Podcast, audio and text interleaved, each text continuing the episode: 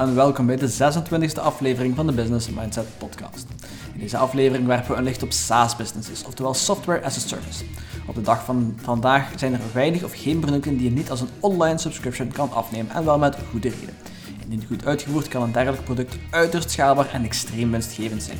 Het is dan ook niet verrassend dat dit voor veel ondernemers het favoriete model is om toe te passen op hun onderneming. We bespreken dit onderwerp met twee ondernemers met ervaring in SaaS-producten, Cedric Spillebeen en Chris Peters. Cedric Spillebeen is al sinds zijn 16e bezig met web- en softwareontwikkeling. In 2010 ging hij dan ook aan de slag als Drupal-developer bij Crimson, het latere Wonderground Belgium. In 2012 lanceerde Cedric zijn eigen Drupal agency Deftig, met klanten zoals Qmusic, Barco en UGent.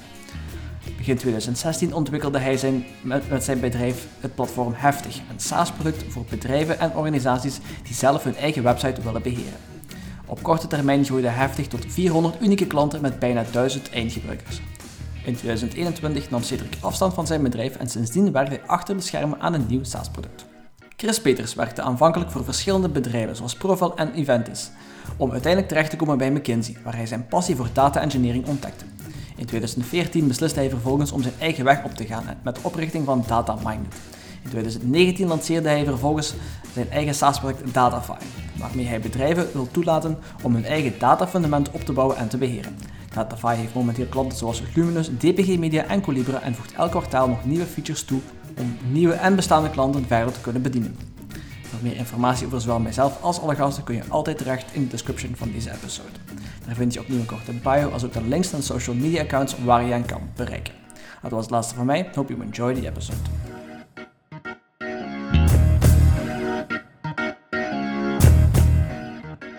Ja, inderdaad. Ik heb gestart als uh, gewoon klassiek als websitebouwer. Dus ik maakte websites uh, samen met een paar freelancers uh, in Drupal.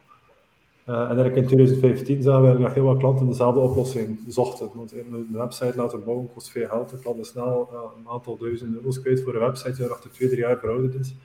Wat we eigenlijk gedaan hebben, is eigenlijk een, een SaaS-product van gemaakt. Ik kende toen de term SaaS nog niet, dus we doen eigenlijk gewoon een, een kant-en-klare website-oplossing. Uh, dus maar ja, een jaar later dat ik plots op de term SaaS hoorde vallen met dat Google, dat ik dacht van, ah, we zijn SaaS aan het doen. Nee, dus dat, toen mij daarin beginnen te verdiepen en toen zijn we ook pas echt beginnen uh, beginnen groeien, doordat je eigenlijk echt weet van oké, okay, we zijn eigenlijk een softwareproduct en geen, geen reclamebureau meer, bij wijze van spreken. Uh. Dat komt echt meer vanuit die, ja, vanuit die web agency uh, sector. En dat was eigenlijk een oplossing waar elke klant heel makkelijk zelf zijn website kon beheren. Dus ze gingen eigenlijk zelf gaan inloggen op hun website, gingen zelf teksten, foto's, alle content gaan toevoegen. En ze betaalden eigenlijk gewoon een vaste prijs aan ons, dus voor de hosting, het onderhoud en de updates. Dus ik een soort website en de service dat we gaan aanbieden. Maar we deden van content. Uh, ik heb dat laten groeien samen met een medevernoot. Uh, dus ik heb het zelf opgericht in 2000, uh, januari 2016 hebben we het gelanceerd. De eerste versie met de eerste klanten nog. Uh, ik heb het bedrijf nu begin dit jaar verkocht, we hadden toen bijna 1000 eindgebruikers. Dus dat waren ongeveer 400 unieke klanten dat dat erop zaten.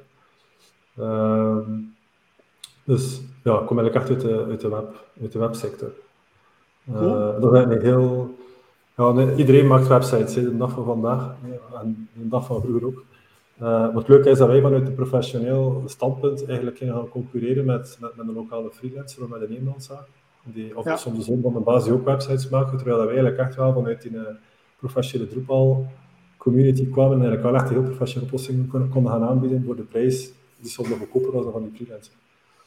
Uh, ja, jullie, website, Hadden jullie eigen CMS-systeem geschreven dan? Of jullie baseerden nog altijd op de basis van Drupal? Ja, de, de onderste laag was Drupal, maar onze, de interface, alles wat de klanten konden doen, ja, dat was nog gebruiksvriendelijker gemaakt. Want eigenlijk out of the box is Drupal meer gemaakt voor, voor, voor, ja, voor, voor webmasters. Die, ja, hoe moet je dat zeggen? Eigenlijk Drupal is meer gemaakt een systeem voor de websitebouwer dan het eigenlijk voor een eindgebruiker is. Je moet eigenlijk echt wel gaan dichter doen, omdat de, website, omdat de klant er iets verkeerd meer zou kunnen doen. Ja, absoluut. Dat echt echt het Ja. We gingen zelfs zo ver als de klant de foto ging gaan opladen en die had er geen description aan bijvoorbeeld, uh, omdat de foto dan niet geïndexeerd kon worden in Google, gingen we zelf al die foto een beschrijving gaan geven op basis van de paginatitel.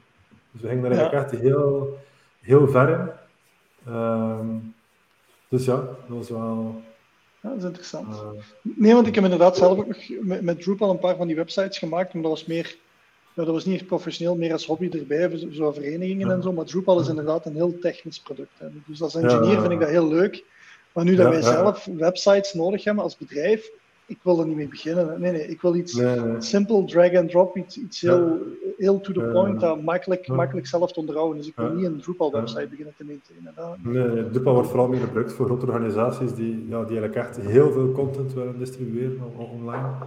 Ja. Uh, je hebt dan ook een hele, hele beweging bij een Drupal die, die headless is, dus dat eigenlijk, ja. enkel maar de backend van, dat eigenlijk echt maar een database-structuur in de backend van Drupal wordt uh, gebruikt. Ja. Uh, je hebt dan Drupal-configuraties die worden opgezet om eigenlijk content te gaan, gaan sturen naar, naar andere platformen of data van andere platformen te gaan migreren. Dus Drupal is eigenlijk echt een heel... Je kunt er heel veel en heel robuuste systemen mee gaan maken eigenlijk als, als platform. Ja, ja klopt. klopt. Cool. Um, ik zou misschien kort... Ja? ja, ik zou kort even voorstellen. Dus ik ben... Uh, ik heb op U Hasselt gestudeerd, nog veel meer aan de andere kant van het land dan Brugge. Ja. um, uh, informatica heette daar, dus dat was zo'n een, een licentiaat slash master toen. Um, altijd software developer geweest, dus altijd wel backend, backend software development, dus C++, C Sharp, um, een beetje Java, dat soort dingen. En dan in 2009 of zo, denk ik, ja, oh, lang geleden. 2009 bij McKinsey terechtgekomen, dat is een grote management consultancy. Uh, maar daar, ook, daar was ik ook technical, uh, technical specialist, of ik ben al de officiële titel kwijt. Maar McKinsey, dus die adviseren klanten, heel grote bedrijven in, in strategische topics. Uh, dat zijn een fancy consultants. Maar wat wij deden bij McKinsey was, die hadden ook een heel deel analytics solutions. Um, dus bijvoorbeeld inzicht krijgen in uw, in uw pricing of inzicht krijgen in de supply chain. En ik was een van die developers aan die analytical solutions. En dat was, ik vond dat super leuk. Ik vond het echt heel leuk om te doen. Um, maar ik aarde niet zo goed in zo'n heel groot Amerikaanse bad. En dan, uh, ik vind zo, ik ga dat op mijn eigen beginnen. En dat is uh, eh, 2014 geweest, denk ik. Ja. ja, 2014 ben ik Data Minded gestart. Ook alleen gestart, maar dan wel zijn twee venoten bijgekomen ondertussen. We zijn nu met 24 mensen en wij doen een deel consultancy, dus dat wij helpen andere bedrijven met het opzetten van een, wat ik noem data fundamenten. Dus, dus zorgen dat hun data-infrastructuur goed is, dat hun operations goed zijn, dat hun, pipeline, data pipelines werken en zo, zodat zij zelf de insights kunnen bouwen. Uh, dus dat is consulting, dat is de grootste tak van wat wij doen. Um, we hebben ook een academy waarin dat wij mensen opleiden tot data engineer. Um, en dan, we hebben ook een SaaS-product op de markt. Um, dat, misschien een beetje soortgelijk wat jij zei van ja, Mensen willen niet hun eigen websites zelf gaan onderhouden. Of eh, als dat ene keer staat, dat is dat heel snel verouderd. Dus wij bieden dat als een service. We hebben ook zo'n soort data engineering platform as a service. Al, die, al die twintig verschillende componenten die je typisch nodig hebt om, om, om die data foundations goed te hebben, dat zit in één pakket. Je, je pay a monthly fee. Wij zorgen voor de upgrades, wij zorgen voor onderhoud, wij zorgen voor de schaalbaarheid, wij zorgen voor de whole shebang, zodat je mensen kunnen bouwen aan de solution, eh, aan de hmm. use cases en niet niet te veel met platformen moeten bezig zijn. Dat is een mhm. beetje de, de insteek die wij hebben. Maar als ik dat zo hoor, als ik daarvan mag inpikken, zijn jullie daar precies eerder bij toeval op uitgekomen? Of is dat maar voorbedachte raden dat je bent begonnen van ik wil, ik wil een SaaS-product echt gaan bouwen? Ja, dat is eigenlijk een beetje soortgelijk wat Cedric vertelde. Ik denk, um, je ziet, als, consultancy is heel leuk, want je ziet een recurring niet in de markt. Dat is van, hey jongens, eh, bij ons was dat heel hard. We hebben nu zes keer hetzelfde platform gebouwd voor een klant. Um, één, dat, dat, is vrij zinloos dat we dat zes keer opnieuw doen. En twee, ook, wat, wat, we ook als een probleem zagen, we deden dan een handover, want we willen niet forever bij een klant zitten. We doen een handover naar interne, interne engineers. Um, en dan gaan wij weg. En als we dan een jaar of twee jaar later terugkwamen, wat zagen we dan? Is dat platform was eigenlijk mostly untouched. Niet dat die engineers daar niet kunnen meewerken, maar dat is gewoon, die hebben altijd andere prioriteiten, andere dingen die belangrijker zijn. Dus niemand zorgde nog voor dat platform. Um, en dat is een beetje zonde, want dat, dat, op een gegeven moment hindert dat ook weer je, innovatie. En dan dacht je van ja, eigenlijk wat we nodig hebben is dat niet één keer bouwen voor die klanten, maar we moeten dat um, maandelijks kunnen aanbieden. En dat is een beetje het SaaS-verhaal. Dus je koopt niet één keer iets, maar je, koopt een monthly subscription en dan is het aan ons om te bewijzen dat we het elke maand opnieuw waard zijn. Right? Elke maand opnieuw nieuwe features of nieuwe uh, betere developer experience. En zolang dat wij het waard zijn, blijven ze die subscription betalen. Als op een gegeven moment zeggen, we allemaal, nou, deze kunnen beter zelf, dan zijn ze weg. Maar dat vind ik wel een hele. Ik, ik vind dat. Um, ik vind die incentives zijn veel meer aligned. Versus traditionele software is het van ja, je koopt één keer een big license. Ze installeren dat on-premise bij u in, in, uw datacenter. En dan is er adoption. Weet niet, haalt dat business value? Dat weet je niet. Maar over, over een jaar of twee jaar komen we wel terug op mijn, contract renewal. En dan gaan we nog eens wat zware, zware termen gebruiken en, en, en moeilijke onderhandelingen doen. En dan gaat dat weer een jaar verder. Terwijl met SaaS is dat elke maand opnieuw, dat, dat is zo het moeilijke, maar ook het leuke. Zo, you have to be on, on top, right? Dus elke maand opnieuw moeten wij bewijzen. Um, maar ook als je het dan, als je het dan waard zet, is ook wel de, de reward is er ook wel, want het is veel meer schaalbaar. Dus eerst bouwden wij het zes keer, nu bouwen we het maar één keer, right? Dat, dat is een veel schaalbaarder model voor ons en, en voor onze klanten. Ja. Ja. Um, ja. Heb je dan heb je het ook enfin, moet je zo zeggen, had je, had je bij, uh, hoeveel klanten had je in het begin toen je daarmee begon? Want in principe, um, allee, je zegt zes keer, en ik vond dat dat nummer is dat je gewoon random uh, uit de lucht prikt, hè, dat dat niet specifiek dat was, maar allee, vanaf wat punt had je zo het besef van, kijk, wauw, dit kan ik als, als, als, dit kan ik als product op de markt zetten. Wanneer kwam zo dat besef voor jullie? Voor mij voor mij zit er een hele grote gap tussen het besef dat we het konden productizen en het echt productizen. Dat besef dat we het konden productizen, dat was, dat was heel snel. Dat was eigenlijk al zo, we, we bestaan nu zeven jaar. Ik denk dat het na twee jaar al was van, oeh, dit, hier kunnen we iets mee. En dan hebben we verschillende eerdere pogingen gedaan. We hebben bijvoorbeeld een, een library gemaakt die nu open source is op GitHub. Um, een library gemaakt rond het managen van, uw, van uw, de, de verschillende datastromen en zo meer een, een soort een technische datacatalog, if je wil en een aantal helperfuncties. Maar dat alleen, dat was niet. Dat, dat loste wel een probleem op, maar dat was niet, het is niet omdat je een probleem oplost dat je ook een SaaS-product van kon maken. En dat, die mayonaise plakte zo niet. En we hebben daarna ook nog een aantal keer zo meer low-level efforts geprobeerd. Laten we infrastructuur, alleen uw infrastructuur automatiseren en that's it. En ook dat, dat, dat, dat pakte niet. En dan op een gegeven moment, maar je moet een beetje een lucky break hebben, maar we iemand gehad die ons vertrouwde. Maar ja, wij, um, wij geloven dat je deze kunt en dat je dit end-to-end -end kunt oplossen voor ons. Um, dus gelieve dat te bouwen. Dus de eerste klant had getekend voordat we iets gebouwd hadden. En dan is het natuurlijk zo scramblen van, oh shit, we moeten het wel echt waarmaken. Maar gelukkig, we hadden dat wel een paar keer gedaan. Dus, um, maar dat is een beetje, dat is voor mij dat jaren geduurd tussen, hier kunnen we iets automatiseren en als een SaaS-product aanbieden. En het staat echt als een SaaS-product op de markt. Dat was voor ons, ik weet niet hoe dat bij jou was, Cedric, maar bij ons was dat echt wel een, uh, een, een pijnlijk proces. Als je zegt de mayonaise plakte niet, wil dat dan zeggen dat de klant er niet geïnteresseerd in was? Of wat bedoel je daarmee? Ja, wat, wat, wat, bij ons, en dat is nog altijd een probleem, dus eh, wij bouwen nu data foundation, right? Um, dus wij zorgen dat uw infrastructuur en operations en uw data pipelines te goed lopen. Maar dat is een heel technisch begrip. Um, en heel veel klanten die snapten eigenlijk niet wat we juist deden. Dus pas als, ja. het, als ze het in handen hadden en ze de user experience er was, dan was van, ah ja, I get it. Um, maar dat duurde lang in zo'n B2B SaaS, dat duurt lang eer, eer dat, en, en we struggelen daar nog mee, dat duurt even, eer dat ze echt snappen van oké, okay, ik snap welk probleem dat je oplost en ik snap wat de waarde is dat, we, dat je toevoegt, of niet. Hè. Sommige klanten zeggen nee, ik moet dat niet hebben. Um, en van ja, dat is een fit voor ons en let's go. Maar dat, dat ja, dat, dat, duurt even. Een sales cycle kan typisch 12 tot 18 maanden duren in enterprise SaaS. Oh. Ja. Hm. Hoe is dat dan bij jou, Cedric? Goh, ja, eigenlijk vooral als wij, vroeger als we bezig waren op maat voor de klant, eigenlijk, dat, dat SaaS-product is er eigenlijk automatisch uit voorgevloeid. Want op een bepaald moment moet je iets bouwen voor een klant, betaalt hij daar uh, 10.000 euro's voor om dat op maat te gaan ontwikkelen. Um, en dan heeft hij plots een, variant van dat product nodig, maar in de praktijk is dat voor die klant een variant, maar moet eigenlijk bijna van de basis herbouwd worden dan overtuig je die klant eigenlijk op maat een keer te laten bouwen. Dan is die klant ergens wel tevreden omdat hij dan twee keer de juiste oplossing heeft voor zijn individuele vraag. Maar als je daar gaat kijken, heeft eigenlijk in de praktijk alle twee die versies die je dan gebouwd hebben eigenlijk ook dingen... De ideale versie is eigenlijk iets soms daar in het midden staat. En als je dan voor tien verschillende klanten telkens iets gebouwd hebt, heb je dan plots het idee van eigenlijk moesten we daar nu één keer een SaaS-product van gaan bouwen.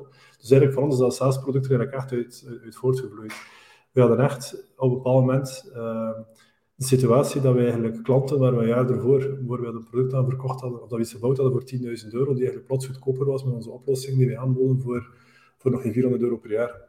Omdat er meer features zaten in onze kant-en-klare oplossing, dat was toen ons SaaS-product, dan, dan had de klant eigenlijk toen eh, op, maat had gekregen een paar jaar ervoor. Uh, en als je dan, dan zie je eigenlijk ook automatisch dat je pricing dan eigenlijk een heel stuk goedkoper kan, dat de klant dan soms ook denkt van ja, oké, maar als, het, als de prijs maar zoveel is, van ons was al de website-oplossing, uh, ja oké, als dat maar een kleine 400 euro per jaar kost, geef me dan nog maar wel eerst een keer een paar, uh, een paar licenties, want ik kan nog een keer gebruiken daar en daar en daarvoor. Dus wij zagen plots dat we eigenlijk voor een klant dan bijvoorbeeld één keer een website konden aanverkopen voor, voor 20.000 euro, dat die, dat die klant nadien zei van oké, maar jullie oplossing moet 400 euro per jaar, ja, daar wil ik misschien wel 10 licenties van.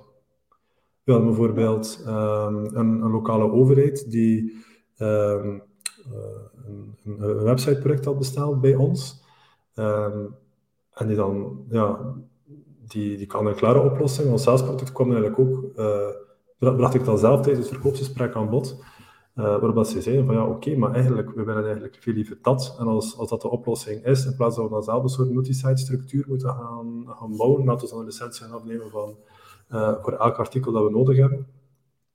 Dus voor ons is het echt voortgevloeid vanuit, uh, vanuit die maatwerksector zelf. En ik denk, we hebben, we hebben ons product gelanceerd in januari 2016 met die eerste klanten. En ik denk in eind 2017, dus, dus een kleine twee jaar later hebben we eigenlijk alle maatwerkklanten die dan nog bij ons zaten eigenlijk overtuigd eigenlijk om te gaan overstappen op ons, op ons SaaS-product. Er waren er een paar die niet, uh, die niet matchten natuurlijk, ik heb dat altijd. Uh, die klanten hebben we dan doorgewezen naar een andere partij, maar we hebben eigenlijk twee jaar nadat we eigenlijk ons eigen SaaS-product eigenlijk hebben gebouwd en we de volledige switch gemaakt om eigenlijk van die maatwerk uh, eigenlijk te gaan afzijn. was daar intern niet heel veel spanning rond? Want uiteindelijk je maatwerk als je een website bouwt voor 20, 20k voor iemand en dan ineens, en we kunnen het zelf nemen voor 400 euro. Ja, je laat wel 19.600 19 euro op tafel liggen daar, right? Ja, ja. Wel, dat was eigenlijk vooral, um, we zijn een, een heel klein bedrijf. Ik, werd, uh, ik had in het begin had ik, ik had één medewerker en een paar freelancers die meewerkten, dus we waren eigenlijk echt piepklein. Uh, maar ja, de discussie was vooral met de met, met een boekhouder en met een bank van ja, wat zijn jullie aan het doen? Jullie hebben een heel jaar gewerkt aan een, aan een SaaS-product en alle klanten die geld binnenbrengen, ga je nu gaan buitensteken om een product te gaan aanbieden. Ja, onze pricing was toen 365 euro per jaar. Dat klonk sexy, 1 euro per dag. Ja. Maar dat was letterlijk van, ja, wat gaan jullie doen? Dus jullie hebben op, met, met jullie eigen middelen, dat was, dan, dat was dan de centen die je verdiend hadden op de maatwerkprojecten, Jullie gaan dus daarmee een kan-en-klaar product gaan ontwikkelen, nog voordat je eigenlijk de klanten ervoor hebt. En dan ga je eerst die maatwerkklanten gaan buitensteken, om dan sales te gaan doen op dat kan-en-klaar product. De enige reden dat wij dat konden, was omdat we zo'n klein bedrijf waren. We gingen veel mensen op de payroll gehad hebben. Ja, dat, dat, dat ging niet gelukt zijn. We gingen, we gingen dat moeten ja, parallel naast elkaar kunnen, kunnen blijven doen. En het is wel zo, die eerste twee jaar, uh, dus dat, dat ons product eigenlijk aan het fine-tunen waren, dus tot eind 2017, hadden we wel die cash nodig van die, van die maatwerkprojecten nog om, om, om zelf aan ons product te kunnen doorontwikkelen ook. Achteraf bekeken, dat is makkelijk gezegd, maar denk ik dat misschien... Het ging zeker voordelen geweest zijn. Dan moesten we gezegd hebben van kijk, we bekijken dat echt als een afzonderlijk bedrijf en een afzonderlijk merk. En we mhm. gaan met de middelen dat we verdienen op de maatwerk uh, tak van het bedrijf, uh, gaan we bij van spreken de financiering aan bij de bank en we gaan, we gaan daar een afzonderlijk financieel plan voor maken. Dat ik zeker veel meer ademruimte gecreëerd hebben. Maar anderzijds ben ik er dus ook van overtuigd dat de reden dat, allee, dat we het zo hebben kunnen laten groeien de eerste jaren, dat dat ook was omdat die, omdat die een druk er echt uh, was, die financiële druk, was er echt van, van oké, we moeten verkopen en we moeten als een target halen. Uh, want als dat niet zo is, moeten we, ja, stel je voor dat we weer een maatwerkproject moeten gaan binnenhalen. Um, en, en ja, dat was echt dat we... Ja ja, dat was echt hoe dat ging de eerste jaar. En dat was, dat, dat was echt typisch ook die, die cliché start-up, um, die typisch cliché start-up uh, scene. En, en dat, dat is heel leuk, je hebt een start-up en, en, je moet je targets halen. Maar in de praktijk is dat een, ja, dat is een financiële hel, je moet daardoor. Uh, en ook, want het is heel herkenbaar wat je zegt. Hè. Dus we hebben ook bij andere bedrijven gezien, als je wil switchen van consulting naar product, en dat zijn wij ook aan het doen, dat is heel moeilijk, omdat één, het is exact wat je zegt, ofwel blijf je consulting doen om geld binnen te krijgen om aan je product te werken, maar je verliest focus en je verliest ook die, die, die, existential threat van, ja jongens, als, als we het nu niet... Ja, als, als, zolang, zolang dat je nog altijd dat consultancy karretje mee hebt, is het wel easy, easy cushion om op terug te vallen, right? Um, langs de andere kant, als je, als je echt zegt van wat jij hebt gedaan, ik vind het wel dapper, maar ja, nee, wij gaan volledig voor ons product en we gaan geen maatwerk meer doen ja, dat springen, dat is zo gelijk, die vergelijking zou je ook al gehoord hebben, dat is zo springen van een ravijn, um, met alle onderdelen van een vliegtuig. En terwijl dat je valt, dat vliegtuig ineens schroeven en dan hopen dat dat, dat vliegtuig... Dat is. Ja. Ja. dus dat is ja, maar dat is wel... ik moet ook zeggen, ik ben... Allez, dat was in 2000... Um, ehm, dus we hebben dat gebouwd, eigenlijk, waarvoor ik spreek, dat we hebben dat gebouwd in 2015, om dan eigenlijk te lanceren met de eerste klanten die er eigenlijk op zaten in, in 2016. Dus toen hebben we het product heftig, dus de merknaam zelf eigenlijk... Uh, gelanceerd. Um, Maar in, in, in die periode wat er ook zeker aan bod komt, is als je die periode in voor maatwerkklanten blijft werken, die maatwerkklanten betalen veel centen, dus verwachten ook dat je ervoor springt. En, en als er een probleem is, dat je ervoor springt, terwijl dat eigenlijk niet eerlijk is, want dat gaat dan over één klant, terwijl je misschien al honderd gebruikers hebt die van een andere product gebruik maken en er ook een licentie voor betalen. Dus eigenlijk als je een developer iets gaat maken op je maatwerkklant, is je helemaal maar bezig met één klant tevreden te maken. Terwijl als je iets maakt voor je, als, als je werkt aan je SaaS-product en je kan een mailing uitsturen naar 100 klanten, van hey, hallo, we hebben die feature beter gemaakt, dan zijn er bij wijze van spreken 100 mensen met een, uh, met een blij gezicht achter hun pc die die mail uh, openen. Dat is waar, dat is die schaalbaarheid. Hè. Maar heb, hebben jullie nooit vragen van mensen die jullie product of de shelf nemen en dan toch zeggen, maar, kan je daarnaast nog wat maatwerk komen doen? Niet om het product te vervangen, maar integratiewerk of zo de types... Bij ons eerste jaar vooral voor, vooral het, uh, het contentverhaal een probleem. we hebben um, alle klanten hadden technisch gezien altijd dezelfde website. Um, maar we hadden heel mooie websites, we hadden ook heel lelijke websites, omdat, ja, omdat de klanten zelf hun teksten gingen gaan schrijven, ze gingen zelf hun, hun foto's gaan voorzien. En je zag dat, dat een, een zelfstandige ondernemer die zijn, die zijn teksten liet schrijven door een copywriter altijd beter resultaat haalde in, in Google. Uh, of als zijn foto's werden genomen door een fotograaf, dat die website er veel mooier uitzag dan, dan van een andere ondernemer die zijn foto's soms zelf nog, waar, de, waar de website er soms uh, niet mooi uitzag. Um, dus daar kreeg je heel veel de vraag van, ja, doen jullie ook dit of doen jullie ook dat? We concurreerden ook echt typisch met, um, uh, met de freelancers die website maakten, met de kleine reclamebureaus die websites maakten, met de, met de zoon van de baas die websites maakt, bij wijze van spreken, want, want iedereen maakt websites in die sector. Dus we konden een heel professionele oplossing gaan aanbieden bij in die sector, omdat we echt vanuit die, vanuit die vanuit SaaS-perspectief iets heel schaalbaar aan het maken waren. Maar die simpele dingen, zoals een tekst aanbieden, is eigenlijk maatwerk klant. En dat is eigenlijk iets wat we, niet wouden, wat we op dat moment niet wouden gaan doen. Um, nu, um, uh, nu, ik heb mijn bedrijf uh, verkocht begin dit jaar. Um, nu gaat er daar waarschijnlijk veranderingen komen, omdat, omdat uh, de overnemer gaat ook gaan kijken waarschijnlijk om, om, content te gaan aanbieden aan de, aan de klanten. via ook waarschijnlijk een netwerk van, van freelancers dat is typisch iets qua maatwerk. Ook typisch, we hebben, we hebben een feature gebouwd. Ik denk, ja, een jaar of drie geleden hebben we een feature gebouwd. Dat was een, een paar klanten die zeiden van ja, oké, we, we willen een afgescherde inhoud op onze website kunnen gaan plaatsen. Voor onze grote klanten of voor onze, of voor onze partners willen we eigenlijk ervoor zorgen dat ze kunnen op de website om content te kunnen gaan aanbieden. Dan hebben we gewoon de fout gemaakt om wat te gaan bouwen. Want dan waren van de, van de ik zeg maar iets, dat was misschien 5% van de klanten die dat ook al ooit had gevraagd, waar zit die feature erbij? En dan, dan denk je plots van ja, oké, als die feature gaan bouwen, dan ga je plots veel meer kunnen verkopen, maar dat valt dan eigenlijk, dat valt eigenlijk tegen. Die groei valt eigenlijk op, op zich van die module tegen. Dus eigenlijk als je dan het rendement gaat, kijken, gaat bekijken, het financieel plan in principe gaat gaan bekijken van die individuele module, is dat een gigantische verliespost eigenlijk een hele SaaS-product.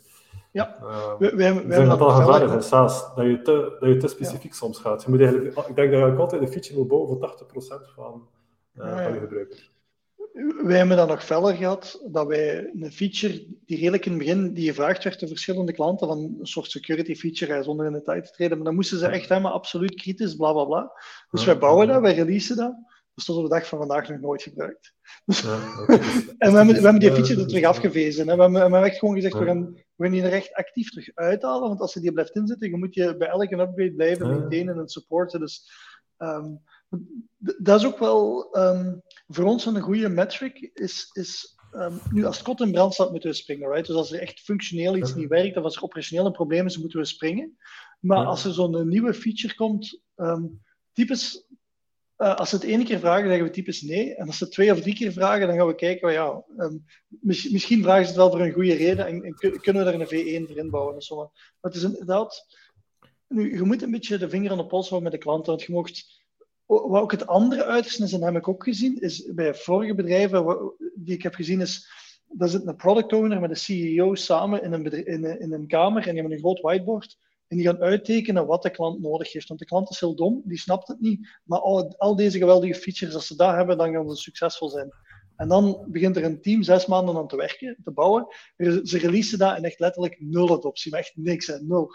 En, en, dat is het andere uiterste. En gewoon wat, wat, wat whiteboard tekeningen en fantasiekjes maken, daar ben ik ook echt paranoia voor. Maar gewoon mhm. exact doen wat de klant vraagt en, en dan maar gewoon copy-pasten. Ja, nee. Dat, dat, Heel gevaarlijk, ja. ja. absoluut. Ja. ik ben er ook van overtuigd, dat een, fout dat we in het begin uh, gemaakt hebben, is dat je moet daar een afscheid nemen van klanten ook voor die reden. Stel dat je een, module bouwt, bijvoorbeeld die privacy module waarover je, waarover je net sprak, en, en je hebt nul adoptie, maar stel er zijn drie klanten die dat, die dat echt gebruiken. En, en dat is maar een, een, heel klein percentage van je doelgroep. En dat zorgt ervoor dat, je, dat, dat de workload en tonerhoud van, van het product en de complexiteit exponentieel hoger ligt. Dan is eigenlijk je product veel rendabeler als je die module er gaat uitsmeten en van die drie klanten afscheid neemt, dan eigenlijk die klanten blijft meenemen met die modules. Dus dat is ook een gevaar dat je, zeker in het begin, als je een product lanceert, je, haalt, je wil eigenlijk iedereen dat product laten gebruiken. Maar eigenlijk de exacte doelgroep van, van, van het product zelf wordt eigenlijk soms maar duidelijk na twee of drie jaar. En dan moet je eigenlijk durven gaan zeggen van die klanten die niet in die doelgroep zitten. Uh, ik heb bijvoorbeeld nu, we hebben nog, uh, vorig jaar hebben wij een van heel de eerste klanten op ons product verloren. En dat was, dat was een klant die eigenlijk, dat was een van mijn eerste website-klanten ooit, waar ik nog een maatwerk-website voor gebouwd had, die dan eigenlijk, eigenlijk een heel groot bedrijf, dat ik fantastisch vond dat ik daarvoor de website mocht maken. Uh, na een paar jaar overtuigd om ons SaaS-product te gaan bouwen. Ze hebben meerdere SaaS-websites bij ons uh, gelanceerd. En nu vorig jaar neemt, die, neemt dat bedrijf, gaat dat bedrijf weg bij ons. Ja. Ehm, maar dat is logisch, want dat bedrijf was, viel totaal buiten onze doelgroep. We hadden geen enkel bedrijf die, die leek op hen, dus alle features waren ook niet gemaakt voor hen. Er zaten heel veel features in, als ze zeiden van ja, oké, okay, we hebben dat al nooit nodig. Maar dus je moet eigenlijk als je een SaaS-product bouwt, soms echt afstand nemen ook van, van bepaalde klanten, want anders, anders maak je een product dat eigenlijk voor iedereen en niemand uh, geschikt is. Absoluut, absoluut. Je moet een beetje de, de, de, niche vinden waar je, waar je wil inzetten. Hè? Maar om, een beetje terug te komen wat je eerder zei, van als er een feature is die maar 5% van je klanten wil hebben, maar die voegt voor die klanten ook waarde toe, hebben jullie dan overwogen om een soort verschillende tiers aan te bieden? Je hebt zo'n een basic tier, een premium en een, een enterprise of zo. Daar, daar zitten wij wel heel erg mee bezig. Dat is nog niet 100% wel gedefinieerd, maar we hebben ook sommige van die advanced features dat in een groot bedrijf super relevant, in een klein bedrijf niemand kijkt ernaar. Ja, en daar zouden we eigenlijk gewoon tiered pricing kunnen doen. Hè? Want als je dat nodig hebt, dan dat is extra, right? Ik weet niet of die um, een heel goed boek daarover is, um, Lean Pricing, dat is van Omar Moelik. Uh, ja, ja, Die is hier ook al op deze podcast geweest, hè, dan Omar. Ja, inderdaad. Dat is echt een boek. Um, dat is echt een boek met, met, met honderden pagina's. Dat gaat puur over pricing van SaaS-producten. En daar zie je alle soorten metrics waar je, waar je prijzen kunt op gaan, gaan bepalen. We hebben, daar, we hebben daar heel lang over bezig geweest. Um, dat, dat, is heel interessant om te gaan bekijken en dat ook, dat ook vast aan dat type klanten. Want um, je kan in een situatie terechtkomen dat een klant eigenlijk voor je product betaalt en eigenlijk, um, eigenlijk te veel betaalt. Omdat je eigenlijk te gevoel hebt van ja, oké, eigenlijk, we hebben echt, uh, we hebben echt uh, klanten die, die, maar, die maar 5% van de functionaliteit gebruiken in de software, die maar uh, eh, 5% van de beschikbare ehm, disk space gebruiken, ja. die, die, die beschikbaar is, maar ze betalen wel de volle, de volle prijs. Dus heel veel SaaS-bedrijven wordt er soms niet met de, met de pricing gespeeld ook, om, omdat, ja, omdat soms onduidelijk is van oké, hoe wordt de software nu eigenlijk echt gebruikt. Dus ik denk dat je eigenlijk echt moet gaan vertrekken met eigenlijk een, een analyse te gaan doen en eigenlijk echt te gaan kijken van oké, elke klant, wat gebruiken ze? Die module gebruiken ze dat. En hoeveel is die module individueel waard? Dus eigenlijk voor mij, als je, als je een pricing van een SaaS-product gaat gaan bekijken, moet je dat eigenlijk echt op, op module-niveau gaan doen. Je eigenlijk echt gaan kijken van oké, uh, ik zeg maar iets, als je een, een, een tool hebt en het kan zijn dat één module binnen je SaaS-product, um, dat dat het volledige SaaS-product van een concurrent is bijvoorbeeld. Hoeveel vraagt hij daarvoor? Wat is die module individueel waard? En, en hoe, verhoudt, hoe verhoudt onze module zich met het product van die, van die concurrent? En wat is de meerwaarde voor de klant dat hij in één tool zit, zoals van ons? Uh, dus ja. pricing vind ik, dat is heel moeilijk. Ik heb er al heel veel over gelezen. Ik weet er ook vrij veel van, maar, maar het is heel moeilijk en, en, om, om te gaan toepassen. Ja, want dat is bij ons ook wel een heel hot topic. Um, wat, je, wat je eerder zei, van sommige klanten betalen misschien te veel, omdat ze maar 5% van hun storage gebruiken en 5% van de available pages of zo. Maar, maar de, de, waarde van jullie product, ik ken jullie product niet, hè, maar de waarde van jullie product ligt waarschijnlijk niet in de hoeveelheid storage dat je kunt aanbieden. Hè. De waarde ligt in, in een heel simpele manier van websites um, aanbieden aan de klant. En honestly, um, I don't care dan als ik klant zou zijn van hoeveel storage dat hij gebruikt, dat is uw probleem, dat lost het op. Hè. Dus, dus of, ik, of ik weinig of veel storage gebruik, dat bepaalt voor mij de waarde niet, right?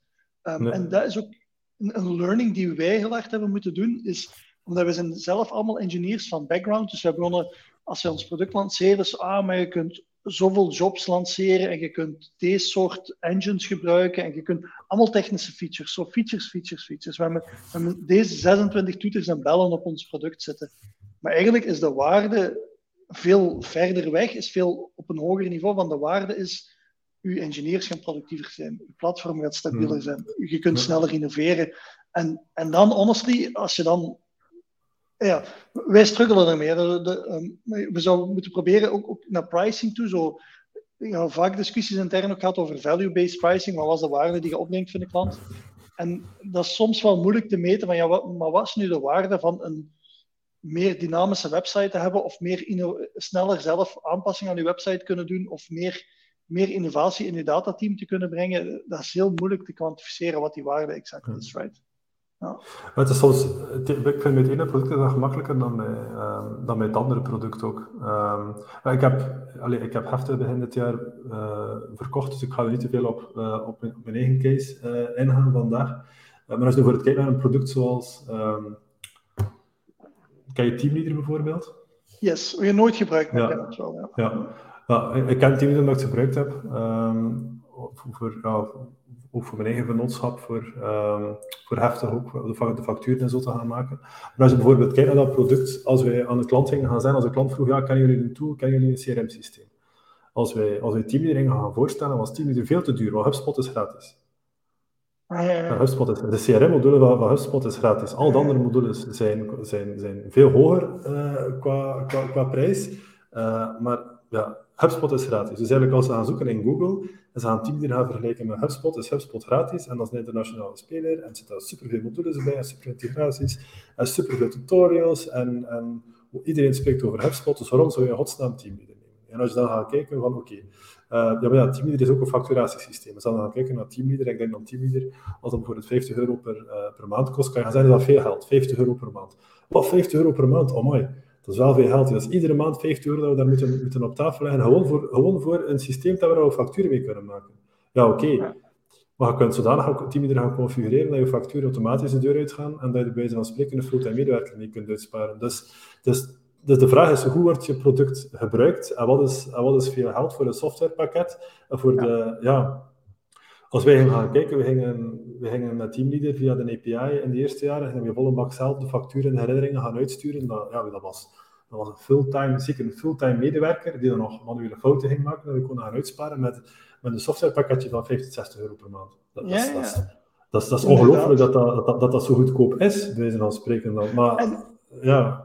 Maar, maar, maar, daar kom ik ook op een heel interessant ding, is dat bedrijven, ik, ik weet niet of dat ook jouw ervaring is, maar bedrijven kunnen veel gemakkelijker budget geven aan manpower dan aan SaaS-producten. Ja. Dus ja. die discussie hebben we soms dan, dan, dan een SaaS-product is ook, ja, dat is dus, ik denk duurder dan wat jullie in de markt zaten, maar dus wel below the cost of een, single FTE. Um, en daar zitten ze dan soms over te emmeren tot ja, soms twaalf maanden decision over te nemen, maar dan krijg je wel de meeting daarna de boodschap van ah ja, maar we hebben nog wel ruimte om te upstaffen, dus als je nog, nog twee engineers zet, die, ja, die kunnen zeker aan de slag. Dus ja jongens, de, ergens is dat... Um, de, zeker in België misschien nog meer als ergens anders, maar, maar de perceptie leeft wel van ja, voor, voor mensen, voor investeringen kunnen we makkelijker geld uitgeven dan een monthly recurring subscription, want dat is zo precies zo 50 euro weg elke maand. terwijl die, die mensen hun tijd om invoices en reminders te sturen is ook weg. Hè. Die, die, ja. als je die een salaris betaalt, is dat ook weg. Hè. Dus dat is ook wel iets wat wij ervaren in onze sector. Ja, klopt. klopt. Wat ik echt... Um, iets wat echt mijn ogen open heeft, en, en dat is ook een, ik denk dat het ook een artikel is van, van Omar Boet.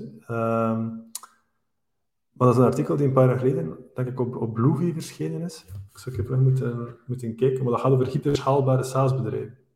Ja. En, en daarin gaat, gaat Omar eigenlijk echt aan, aan de vergelijking gaan maken, waarin hij zegt van, kijk, eigenlijk als je gaat kijken naar een, um, als de Proximus of een Bel gaat komen, dat hij bijvoorbeeld gaat gaan, gaat gaan bekijken met hoeveel duizenden medewerkers werken er daarvoor in, um, in verhouding met het aantal belminuten, bij wijze van spreken, die, die maar worden aangeboden, dan jaarbasis gaat te gaan kijken naar een Skype dat wereldwijd actief is en een kleiner team heeft dan Belgacom en, en veel, groter, veel grotere omzet kan, kan gaan creëren daarop.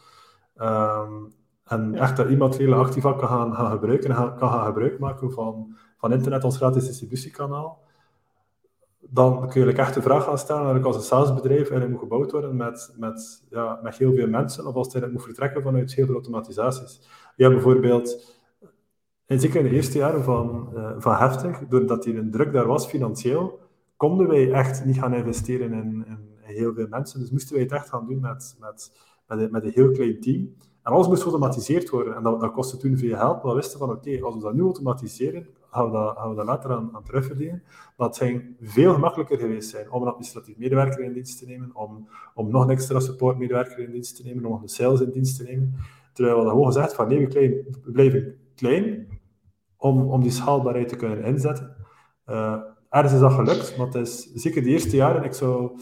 Um, ik, ben, nu aan, ben nu aan het onderzoeken om iets, uh, om iets nieuws op te starten. Ik wil vanaf dag één echt alles op schaalbaarheid gaan zetten. En eigenlijk elke, elk, voor mij is eigenlijk elke persoon die in dat team komt, is eigenlijk een potentieel verhaal, uh, gevaar om eigenlijk die, die snelheid te gaan vertragen. Want als bijvoorbeeld de marketeer, stel dat je voor een marketeer neemt en, en je marketingstrategie is erop gebaseerd dat die marketeer continu mailings uitstuurt en campagnes bedenkt, is dat veel minder schaalbaar dan dat je een internationale Google AdWords campagne opzet bijvoorbeeld. Want die AdWords campagne ja. gaat misschien maar een paar uur onderhoud per week vragen om dat te gaan, uh, gaan monitoren en je hebt direct, uh, bij van spreken, een wereldwijd bereik en dan heb je kapitaal nodig om dat te gaan, uh, gaan doen natuurlijk. Maar ja, zeker in SaaS wordt er soms, naar mijn gevoel, te vaak ingezet op, op de vergroting van het team dan op de, op de vergroting van de, van de schaalbaarheid. Ja, zeker in, in SaaS-bedrijven. Ik weet niet of je daar ervaring mee hebt, maar we hebben zo wel gewerkt met SaaS-bedrijven die ook uh, door, door die typische funding stages gaan. Met Series A, Series ja. B, zo venture capital. En die, ja. ik heb er ik weet dat niet zeker, maar ik heb er een theorie over dat die worden volgens mij gewoon gedwongen om te hiren. Dus als je dan een venture capitalist zegt van hier, 10 miljoen, 10 miljoen euro, uh, ik verwacht dat het team groeit. Ik verwacht dat je 20 mensen op sales hebt. Ik verwacht dat je 10 mensen in engineering hebt tegen het einde van het jaar, want dat ga je doen met die 10 miljoen euro. Je gaat groeien. Zo, soms ten koste van de kwaliteit, want je kan, ja, je, je, je kunt die ballon maar net zo, niet altijd zo snel opblazen als je zou willen. En je begint dan mensen aan te nemen die, die, die niet 100% A-level people zijn.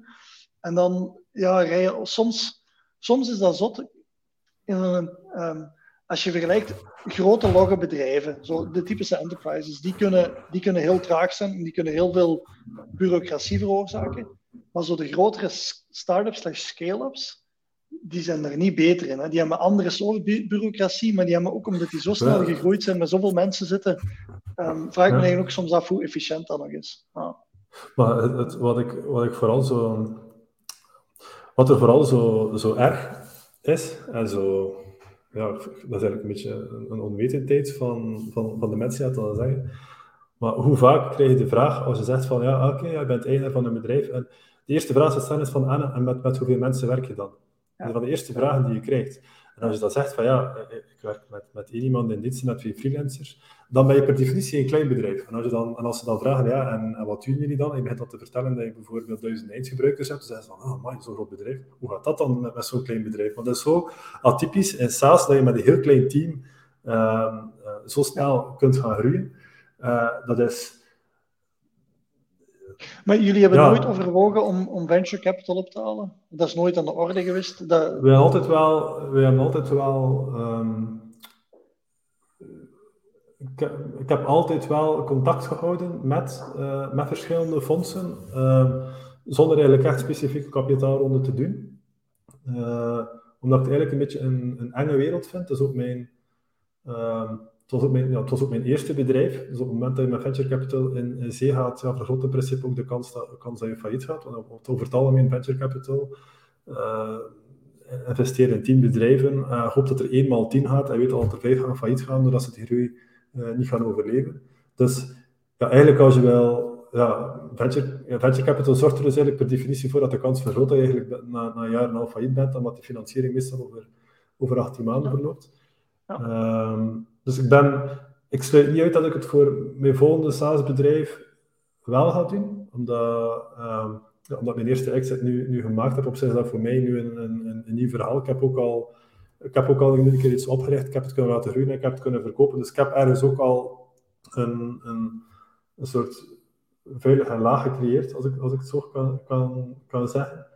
Ja. Ehm, ja. Het is wel zo, als je echt, echt voor die, op de hyperschaalbaarheid wil gaan inzetten, en je zegt bijvoorbeeld van oké, kijk, we kiezen heel hard om op die te gaan groeien in team, maar om internationale marketing te gaan opzetten, dan heb je kapitaal nodig. Dan, Als je dan geen kapitaal ophaalt, dan zal de partij die wel kapitaal ophaalt de grootste zijn en wordt ze na een paar jaar overgekocht. En dat kan ook een exit-strategie zijn op dat moment. Dat kan ook zijn dat je zegt van oké, het is een jaar dat ik dan de derde grootste ben, of de, of de tiende grootste ben, uh, maar binnen zoveel jaar zullen we waarschijnlijk wel worden benaderd door de grootste partij om ons over te nemen. Dus dat, dat kan ook. Uh, maar dat is zoals... Ik moet zeggen, de eerste jaren, dat was voor mij allemaal heel vreemd ook. Ja, venture capital, equity, wat is dat allemaal? Maar eigenlijk als je dat eigenlijk gewoon...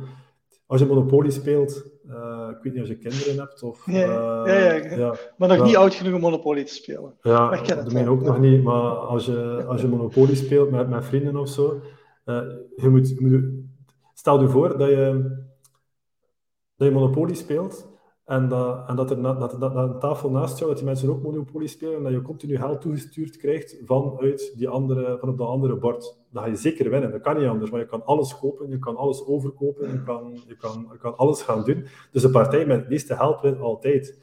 Als je Monopoly start, per definitie, je hebt tien keer zoveel geld dan de andere, ga je ook winnen. Dat kan niet anders. Dus dat is niet iets waar je kunt tegen gaan, gaan vechten. Dus als je echt zegt, van je wil de grootste worden, ja, dan, dan, dan, kan je niet anders om, uh, om die piste te gaan bewandelen. En dat is bijna een filosofische keuze. Hè. Ik, ik denk, het ligt er ook een beetje aan welk soort SaaS-product je bouwt, denk ik. Maar sommige SaaS-producten is echt een winner takes all market. Dus, dus daar inderdaad, zo de, de, de, HubSpot of de teamleader, of, de, of de, dat zijn er een paar grote die gaan overwinnen. Um, um, maar er zijn ook genoeg, ik denk dat er genoeg opportuniteiten zijn om in niches te werken waarin dat types die te klein zijn voor, voor de HubSpot-like bedrijven of de, of, de, of de Facebook van deze wereld om in te investeren, waar jij wel perfect een mega succesvolle business kunt uitbouwen. Right? Dus ik denk misschien, mhm. eh, ik, ken, ik, ken, ik ken jullie vorig bedrijf niet, maar dat is um, all-in-one uh, website systemen, waarschijnlijk specifiek gericht op een bepaald deel van de Belgische markt. Right? Ja. Um, als, als, als dat de doelgroep is, um, daar kan je wel perfect, in die niche kan je wel marktleider zijn. Right? Um, hetzelfde, hetzelfde een beetje voor ons. Het data engineering platform dat we opzetten is specifiek gefocust op, op een specifieke set bedrijven die, die dat nodig hebben, die die way of working willen doen. Er zijn honderd bedrijven die dat niet willen doen, right? die, die op een andere manier willen werken. En that's fine. Maar die bedrijven die op die manier willen werken, en voorlopig is het vooral België, um, daar denk ik wel dat we, dat we een heel goede offering hebben. En het, het, klopt inderdaad wel, als we, als we op een gegeven moment internationaal willen gaan, en we zeggen we willen dat in Amerika gaan uitrollen en in, en in Azië, dat gaat, niet, dat gaat niet lukken zonder venture capital. Dan, dan, moeten die, dan moeten die raket nemen. Maar je mocht die raket pas nemen volgens mij als je echt zeker weet, of toch 90% zeker weet van ja, dit kan schalen als ik er gewoon meer geld in steek. Right? Want ik heb ook al veel bedrijven gezien er wordt veel geld in gepompt, maar eigenlijk was dat product nog niet klaar. Of eigenlijk, eigenlijk hadden ze hun, hun, product market fit nog niet helemaal. En dan, dan schiet die raket ook de ruimte in, maar die mist wel zijn doel. En, die, en dan, dan ben je een van die, een van die, een van die negen bedrijven in, in een VC-portfolio die gewoon failliet gaat. Hè. Ja. ja. bijvoorbeeld, wat ik ook nog bij, bij, de, allee, bij het begin van de, van de coronapandemie, uh, nu begin vorig jaar, Um, ik heb redelijk wat contact met, met, met andere founders van, van SaaS-bedrijven. En dan, dan, dan is er plots stress. Als je ze dan belt, wel, allee, ik bel soms gewoon voor, ja, voor simpele vragen, zou je dat aanpakken of zou, zou je dat doen? Dus, dus, of kun ik in een een bepaalde ding te bespreken. Maar toen, als je toen vroeg, wat heb je de laatste maand gedaan? Dat is gewoon continu crisiscommunicatie met hun investeerders. Dat doordat wij ja. investeerders hadden, was zoiets van, ja, nee, we waren bezig met onze klanten. Onze klanten hadden een probleem, want hun, hun horecazaak ging dicht of hun bedrijf moest dicht of ze online gaan verkopen of zo. Dus wij konden dan gaan springen voor die klant. Terwijl al de founders waarmee ik toen aan het spreken was, die, die met, met, met, met investeerders of met venture capital uh, aan, aan, boord waren, ja, die waren continu bezig met, met, met crisiscommunicatie. Van ja, maar geen probleem, we gaan de kastplanning gaan aanpassen. Ze waren eigenlijk vooral bezig uh, naar boven te communiceren, terwijl, ja, terwijl wij eigenlijk echt gewoon konden bezig zijn op dat moment met, met onze doelen. Um, ja, dat is, dat is een luxe. Dat is ook, dat is ook iets die niet onderschat worden. Ik denk dat je gewoon als founder, ik denk als je founder bent, ja, zolang je geen investeerders hebt, kan je gewoon bezig zijn met je klanten. Maar een keer dat je met investeerders zit, ja, heb je eigenlijk, ja, sta je eigenlijk tussen twee vuren ook op dat moment. Maar je wil ergens gaan developen voor je, voor je klant en je investeerder wil ergens ook dat, uh, ja, dat die, dat bedrijf groeit. En ja, je kan niet meer zelf beslissen op dat moment. Ja. Zeg, en, hoe pakten jullie dan um, marketing aan? Want je zei net, ja, de marketeer inhuren, dat is duur. Gewoon AdWords-campagne, dat, dat loopt en dat kunnen automatiseren. Dus jullie, vonden jullie veel nieuwe klanten via, via AdWords? Of, of, hoe was dat? Of via word of mouth? Of hoe ging dat typisch? Goh, eigenlijk wat... Hebben wel van een heel begin heel hard ingezet op, op de tevredenheid van de klanten. Dus we hadden heel veel mond-aan-mond reclame wel. Uh, ik denk als we gingen gaan kijken, uh, elke maand zagen wij dat er eigenlijk echt een percentage kwam uh, van mond-aan-mond reclame. We gingen daar echt iedere maand gaan, uh, gaan bijhouden. Dus elke maand, als er uh, elke lead die binnenkwam, elke offerte die uitgestuurd werd, elke klant die gestart was, ik wilde heel mooi gaan zien van, kijk, dat komt van daar. En als we niet wisten van waar dat ze kwamen, was de persoon die die klant binnenhaalt, dat moest direct gaan vragen aan de klant bij het volgende telefoongesprek van, ja, hoe heb je ons eigenlijk leren kennen? Dus we moesten altijd weten van waar komt die klant. Want zeker je zou gaan zeggen, wij zijn niet heel veel werk, maar doordat wij zo'n beperkte middelen hadden, doordat we niet met investeerders zaten, konden we niet anders dan eigenlijk echt elke uitgave dat we deden eigenlijk te gaan evalueren van brengt eigenlijk wel op. We hebben bijvoorbeeld op een beurs gestaan, ik vond dat, ik viel achterover, dat was 1500 euro op die beurs te staan, ik vond dat, ik vond dat gigantisch veel geld. Maar ik was aan het rekenen van, ja oké, hoeveel klanten moeten we daar kunnen binnenhalen om dat te kunnen gaan terugverdienen? Ja. En ik weet nog, ik kreeg het eruit van die beurs en ik was iets van, verdorie, dat gaat hier zeker niet opgebracht hebben, terwijl dat was alleen op zich een heel laag bedrag. Maar dat is zo, je staat op die beurs, je betaalt er een bedrag voor, dat moet dat brengen. Je kunt niet in een start-up geld, want dat, het, dat, dat ook allemaal nog je eigen middelen bij erin steekt. Je kunt niet naar een beurs gaan, daar 1500 euro aan uitgeven en dat niet op korte termijn gaan terugverdienen. Ja. ja. Dus de eerste maand, ja, de eerste maand had dat niet opgebracht. Maar dan plots, zes maanden erachter, een aanvraag van iemand die, die twee licenties neemt. Ja, waar heb je ons aan? Ah, die beurs. En dan was zoiets van, hé, hé, die beurs heeft opgebracht. en dan, ja, en dat is, dat, is, dat is zo stom. Het gaat over zo'n kleine bedragen, maar, dat, maar als er dan na een paar jaar een nullertje bij komt, wijze van spreken, komt het altijd op hetzelfde neer. Um, als je bijvoorbeeld kijkt, uh, wat we hebben... Um, allez, ik ga er niet in de case van, van Heftig ingaan, maar als je, met, uh, als je een AdWords budget uitgeeft, en je betaalt duizend, je zegt tegen de klant, als we een klant begeleiden en we zeggen tegen de klant van kijk, eh, weet je wat, uh, waarom doe je geen AdWords uh, campagne, heeft dat 1000 euro per maand dan. En die klant zegt, wat, 1000 euro per maand aan AdWords? Dat, dat is, dat is 12.000 euro op, op, een jaar, je koopt daar een kleine auto van. En als je dan zegt van oké, okay, 2000 euro per maand, per, uh, 2000 euro per maand, ja, dat, dat, dat, dat, is, dat is 24.000 euro per jaar. Dat is, je kunt er niet mee stilstaan. Dat is allemaal geld die naar, Google gaat, de Amerikaanse partij. Allee, dat, dat kan toch niet? 24.000 euro. Je kunt met 24.000 euro bij van spreken heel, heel de provincie rondflyeren met, met, met Bpost. Dus, dus, dus dat, dat kan dat, kan dat, dat, dat, dat opbrengt. Ja, maar als je kunt gaan... Je kunt er maar echt die klik maken naar je marketingbudget. Met, met een, op, ja.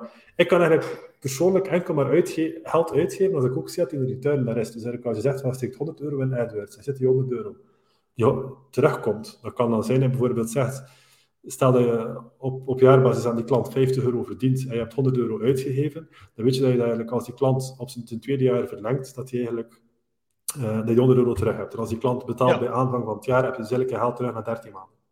Ja. Dus als je die 100 euro dan op de rekening staan hebt, is dat geen probleem om AdWords te doen, want je weet dat je ze terug hebt. Als je ze niet hebt, ja, kun je naar de bank gaan, kun je dat gaan, uh, kun je dat gaan lenen en kun je dat verhaal gaan vertellen van kijk, we krijgen dat geld dan terug. Maar natuurlijk moet je churn nog eens zijn. Want als je churn slecht is en je klant loopt weg na een jaar, ja, ben je dat geld kwijt. En als je daar klein mee start, 100 euro is een heel klein bedrag, maar als je met 1000 euro start en je ziet dat dat werkt, je gaat continu gaan bijsturen en je haalt alle zoekwoorden die, die, die niet rendabel zijn eruit en je laat enkel de zoekwoorden over die, die rendabel zijn, ja, moet dat, moet dat rendabel krijgen. Moet je, moet dat rendabel krijgen. De vraag is, heb je dat geld terug na een jaar, na twee jaar, na drie jaar? En als je dan de financiering goed krijgt, kan je ja, ben ik van mening dat je, dat je eigenlijk onbeperkt marketingbudget zou moeten hebben dan. Ja, ja. Want, ja, ja. want ja. Als je, als, je dat, als je op dat punt komt dat je weet van elke 100 euro dat ik in Google AdWords steek, levert mij over drie jaar tijd 400 euro op, ik zeg maar iets. Ja, mhm. dan moet je niet twijfelen. Dan, uh... Ja, en zeker wat, je, wat je eigenlijk op dat moment doet, dat je eigenlijk een, een eenmalig bedrag gaan omzetten naar een recurrent bedrag. En de waardering van een SaaS-bedrijf wordt ook meestal gewaardeerd op de, op de, recurring op de ARR, op de annual recurring revenue. Dus als je op dat moment een eenmalig bedrag kunt gaan omzetten naar een recurrent bedrag, ja, dan, ga je eigenlijk, ja, dan, dan, koop je eigenlijk continu waardering van je... Ja, dan koop je eigenlijk continu uh, hogere waardering van je bedrijf. Ja. Um, ja. Maar het is allemaal heel theoretisch. Hè. In de praktijk is dat... Het zal wel zo gemakkelijk moeten zijn dan... Uh, ja, ja, zeg, en, en dat, nieuwe... Dat nieuwe bedrijf... in de podcast te zetten.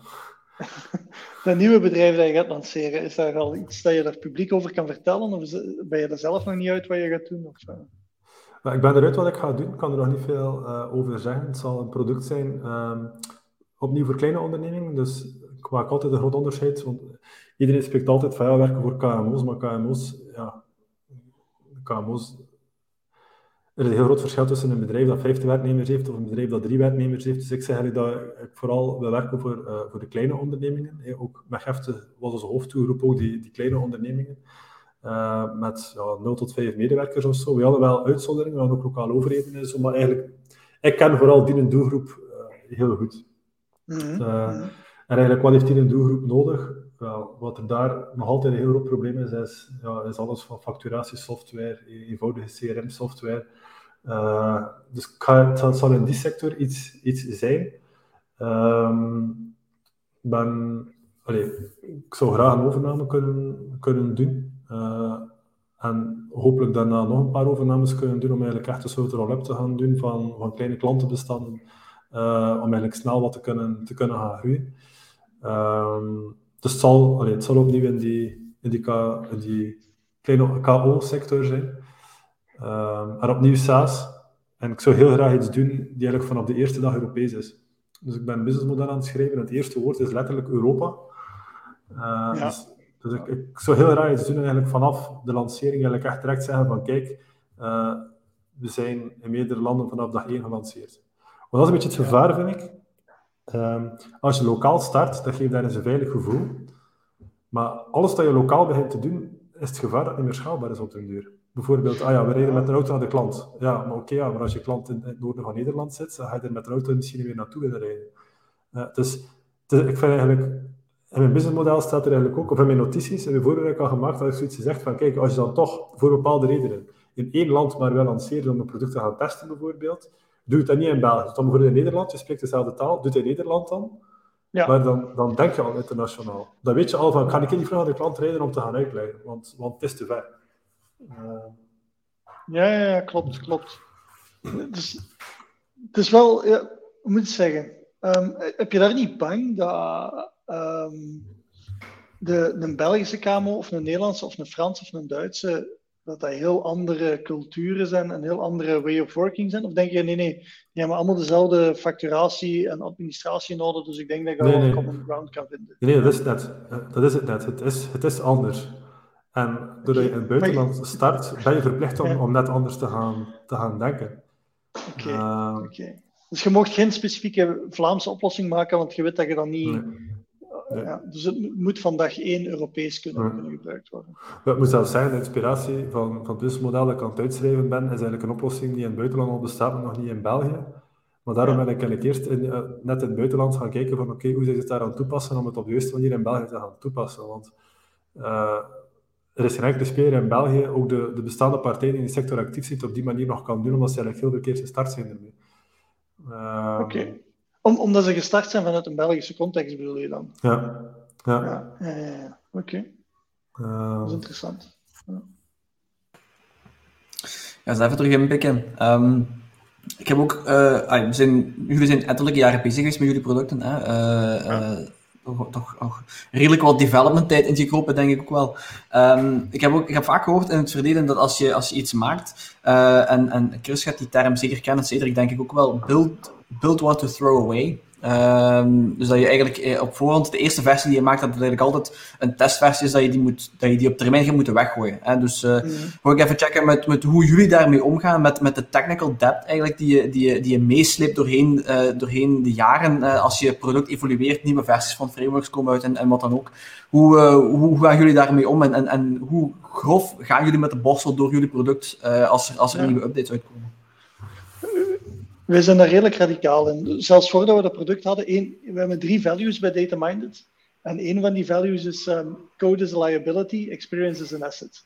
waarin dat we willen zeggen, kijk, alles wat je produceert als code, um, dat, dat moet gemaintained worden, dat, heeft, um, dat kan crashen, dat kan bugs veroorzaken. Dus elke lijn code dat je schrijft is een liability. Dat is, de asset die je brengt is eigenlijk de, de ervaring die je hebt omdat je dat al zes keer gebouwd hebt. Dus in die zin, als je naar ons product kijkt, dat is volgens mij al zeker drie keer herschreven geweest. Ook in drie verschillende talen. En uh, by the way, ik ben er zelf niet meer bij development betrokken. Het is het technische team die dat, dat doet. Maar dan mag je absoluut moet zeggen. Waar vaak de fout gedaan is, is te zeggen, maar we hebben net zoveel geïnvesteerd in versie 1, waarom moeten we dat helemaal opnieuw investeren in versie 2? Maar die redenering is eigenlijk omgekeerd. Van die mensen hebben zoveel geleerd van V1 te bouwen, dat ze een V2 tien keer beter gaan bouwen op tien keer kortere tijd. Dus, dus um, bij ons, om op je vraag te antwoorden terug, van ja, het is niet alleen de eerste versie is throwaway, we gaan, we gaan continu blijven evolueren en, en continu nieuwe versies produceren. Wat wel belangrijk is, is de interface naar je klant toe. Um, dus eigenlijk de API's die je uitbrengt, of zo de, de, dingen waar de klant van afhangen. Als je dat één keer release, dan, ben je wel. Um, dat zo de, de idee van Werner Vogels, die CTO van, van Amazon Web Services. Die zegt um, API's are forever, right? Dus dat is een contract en dan moet je forever kunnen eerbiedigen. Dus je mag niet zomaar allemaal breaking changes naar je klant gaan doen. Um, maar wat er achterliggend gebeurt, oh, dan mag je van mij honderd keer refactoren. Nou, it's part of the game, denk ik. Ja, maar hoe groter de refactoring, Chris, hoe, hoe... Doe maar. Zeg maar, Cedric. Ja, Chris, als je nu... Ik vind het gevaar wat ik soms, uh, soms zie in, in, softwareontwikkeling, is dat er soms door de developers iets wordt gebouwd en ze bouwen bij van spreken een robuust fort waar ze de, de oorlog mee kunnen winnen. Terwijl, terwijl dat ze eigenlijk met een, met een veel slanker geheel, dat dat, dat, dat ja, financieel veel interessanter is om dat te gaan bouwen. En ik ga het zo zeggen, waarom, ik, ik, zie heel veel softwarebedrijven, als je gaat gaan kijken naar, naar hoeveel geld ze in ontwikkeling steken, dat ze eigenlijk al een gigantisch fort hebben gebouwd van een softwarepakket die gigantisch veel onderhoud vraagt, die gigantisch veel uh, zotte developers vragen om er nog te kunnen aan werken, omdat het zo robuust komt. En als je ja. kijken naar het aantal klanten dat er maar gebruik van maakt, was een, was een klein licht softwarepakketje eigenlijk al soms veel beter geweest. Dus hoe ga je die developers er gaan van overtuigen dat ze, dat ze aan een pakket bouwen die verhouding is met de grootte van het klantenbestand. Ik, ik, denk, daar heb ik een theorie over. Ja, dat is een theorie. We hebben, dit exact hebben we meegemaakt bij, bij een van onze consultingopdrachten, hè, waarin uh, we moesten ook een dataplatform bouwen. En om, om, heel kort op uw vraag te antwoorden, dat is meestal een gebrek aan visie van leiderschap. Um, hmm. Dus leiderschap komt dan naar, naar, engineering toe van, ah, we hebben een platform of een product nodig, dat moet flexibel zijn op deze 26 uh, domeinen, dan moet die tien verschillende use cases kunnen ondersteunen en dat moet schaalbaar zijn tot, tot Facebook-like groottes. Right? En als engineer kun je die op geen enkele manier overtuigen van, dat probeerde dan van, ja, maar wat is een V1? Wat is een core product dat we nu een, een, een, subset van uw klanten mee kunnen op? Nee, nee, het moet schaalbaar zijn aan alle kanten, flexibel zijn aan alle kanten. Dus je, en, en de reden waarom dat ze dat zeggen, is omdat ze eigenlijk geen visie hebben over hoe een product er moet uitzien. En als je dan, de fout die je dan maakt als ingenieur, als je dan ja zegt, dan ga je inderdaad zo'n draak van een platform bouwen. Waarin, en we hebben dat toen eens gedaan, dat was, dat was echt wel pijnlijk, introspectie. Een survey gedaan naar onze eigen interne mensen, van zou je dit platform aanraden aan de typische NPS-score, right? Would you recommend this to a friend or a colleague? En zelfs de mensen die aan het platform werkten, er was niemand, gaf dat een score 9 of 10, dus nobody would recommend it. Er waren allemaal detractors of, of um, neutral people. Dus om op uw vraag terug te komen, ik, ik denk, het is, het is zeker, sommige engineers willen graag over engineeren, dat zit een beetje in de engineer in. Maar het is ook heel hard het gebrek aan visie van leiderschap. Van ja, wat, wat, hmm. wat, willen we nu bereiken met dit product en hoe kunnen we, hoe kunnen we een V1 lanceren die, ja, die 80% van de noden dekt. Dus het is, meer een cultuurissue ook, denk ik, dan, dan een technisch probleem. Ja. Is dat niet meer, allee, puur om over technologie even te, te, te norken, is dat, is dat niet meer een gebrek aan focus dan, dan aan een visie? Want ik, allee, als, als ik zo je verhaal hoor, dan is het een beetje te veel visie en, en een beetje te ver vooruitzien dan, dan wel kunnen, kunnen focussen op het essentiële.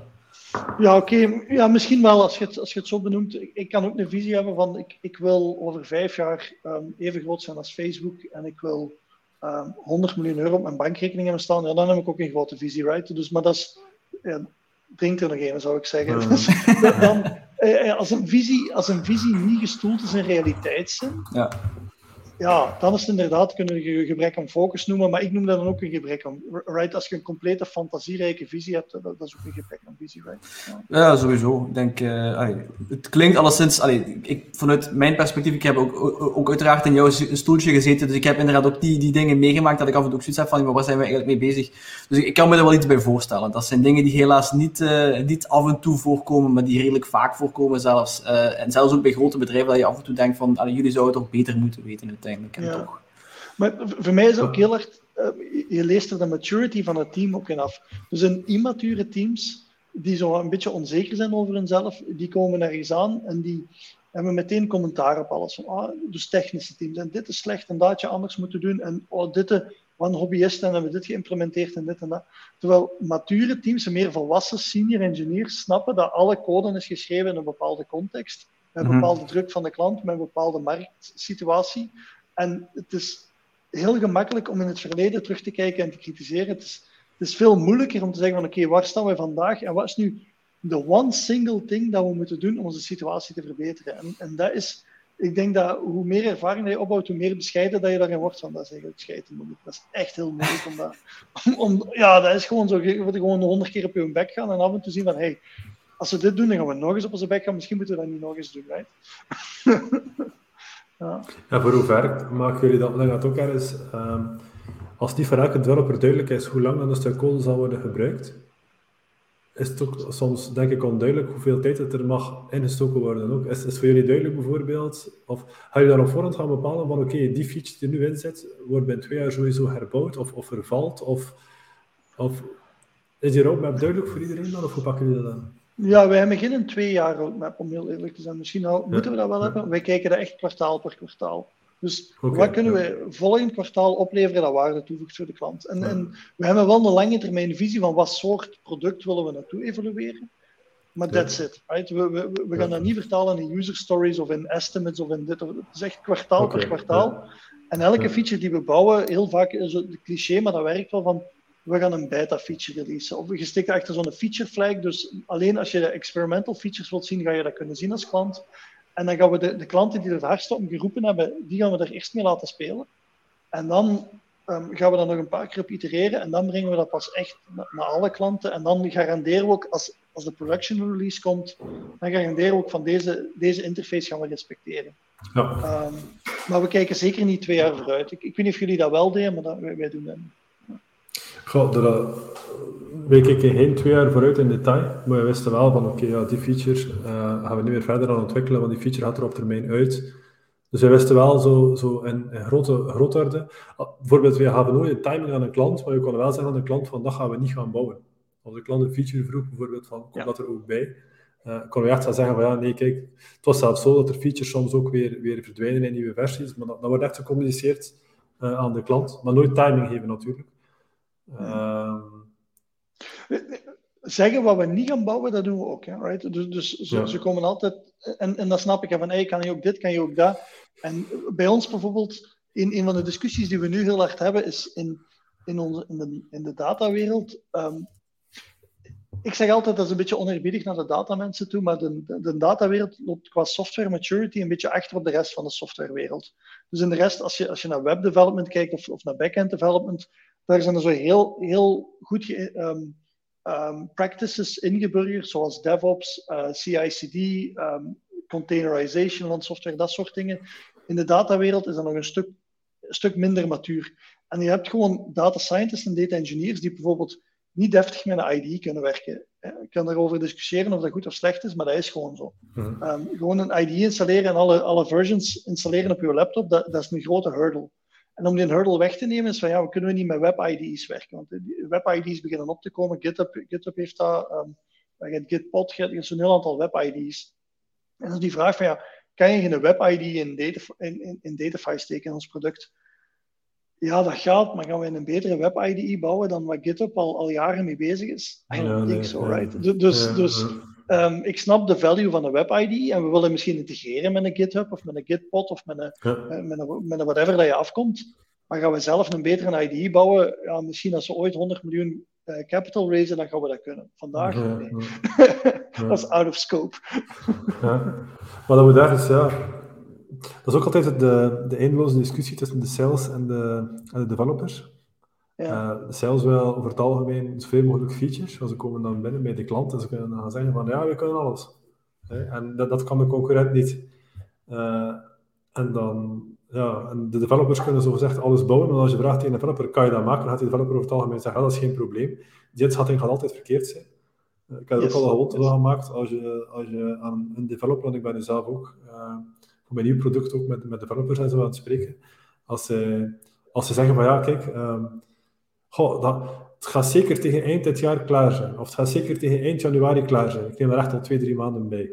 Want als je dan zegt eind januari van is klaar, ja, ja, het staat op de dev-omgeving. Dan zeg je, ja, maar ja, het is toch niet klaar, het staat op de dev-omgeving. Ja, maar ja, het moet nog getest worden. Ja, maar ja, nee. Klaar is dat, je, dat, klaar is dat de klant het aan het gebruiken is. Dat is voor mij klaar. Ah ja, nee, ja, nee, het moet eerst nog getest worden. Ja, het moet dan getest worden. Er zit er nog bus in, het moet dan terug aan de developer, weer op de staging-omgeving, het komt er nog een bug naar boven. Dus dat is zo de, de, de eeuwige de eeuwige discussie. Ja, uh, ik, ik, denk, ik, ik, heb zelf in, in, beide posities gestaan, jij waarschijnlijk ook. Dus ik ben altijd developer ja. geweest. En nu ben ik, uh, voor DataMinder, ben ik veel meer de sales. Ik, ik schrijf eigenlijk geen code ja. Ja, um, maar het is, inderdaad een, het is inderdaad een val om te denken van als sales, we gaan naar klanten en wat we moeten, dat is eigenlijk wat er straks zei, wat we moeten verkopen is features. Van ah, we gaan deze toeter er nog op wijzen en, en deze bel er nog aandraaien. Terwijl dat kan wel zo de immediate need zijn van de klant, van ik, ik wil ook deze toeter en ik wil ook dat en ik wil ook zo. Maar wat dan typisch helpt, en ik zeg niet dat wij dat goed doen, hè, maar wat typisch wel helpt, is, is gewoon de, de five whys. Van waarom heb je deze toeter nodig en welk probleem wil je daarmee oplossen? En dan op een gegeven moment kom je wel tot iets dat misschien veel simpeler op te lossen is. Niet, niet altijd, right? Dus we komen soms op conflicten dat, dat de klant zegt, ja, ik heb dit echt nodig, of het is een no-go. No ja, dat is een no-go, right?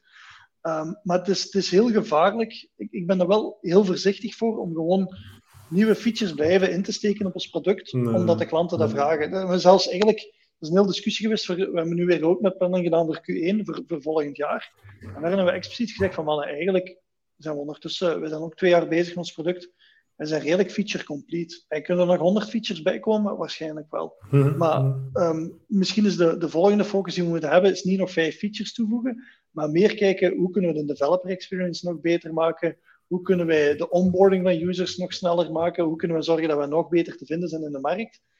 Als minstens even, uiteindelijk gaat het over van hoeveel mensen kopen uw product en gebruiken uw product.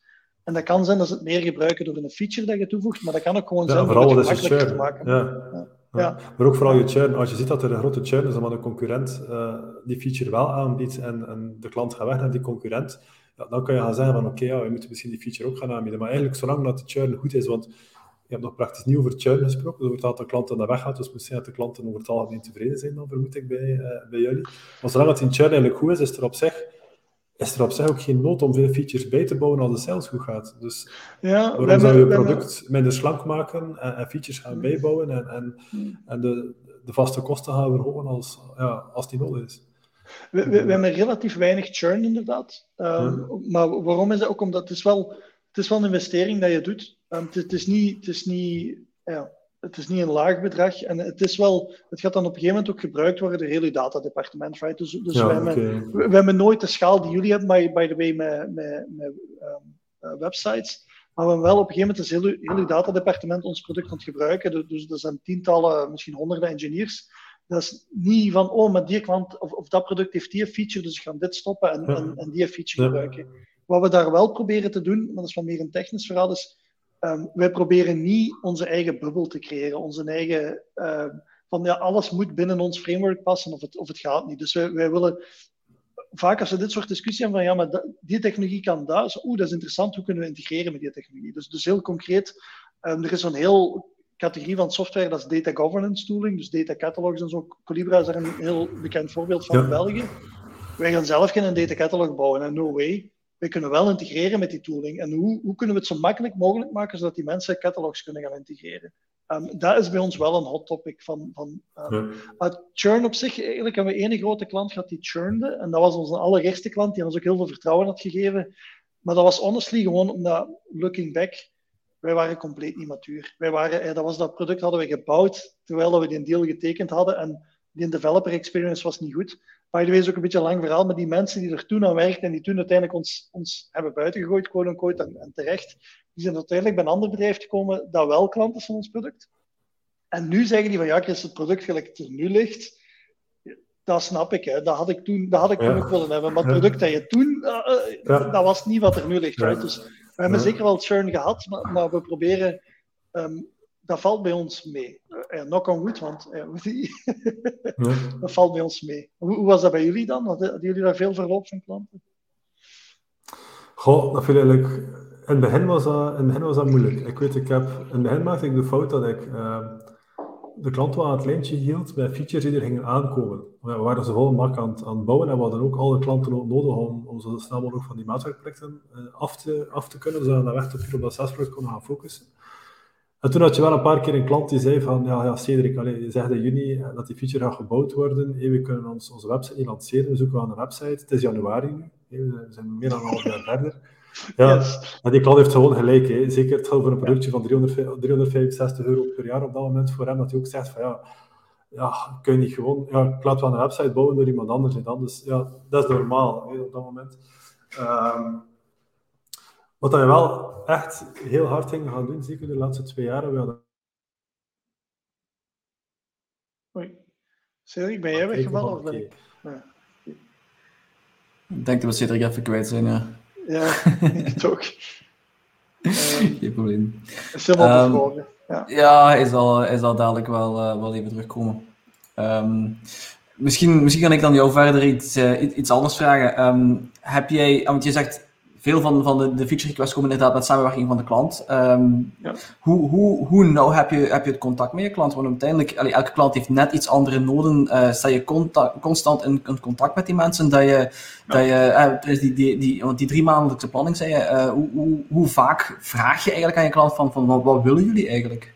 Ja, we, um, we zijn op verschillende manieren in contact met onze klant. En dat willen we ook wel ik denk dat dat het deel is van de value dat we bieden, is dat we niet alleen een, een solution hebben, maar dat we ook um, de engineers erachter, die zijn heel bereikbaar. Dus, dus heel concreet, al onze klanten, die hebben een eigen Slack-kanaal bij ons.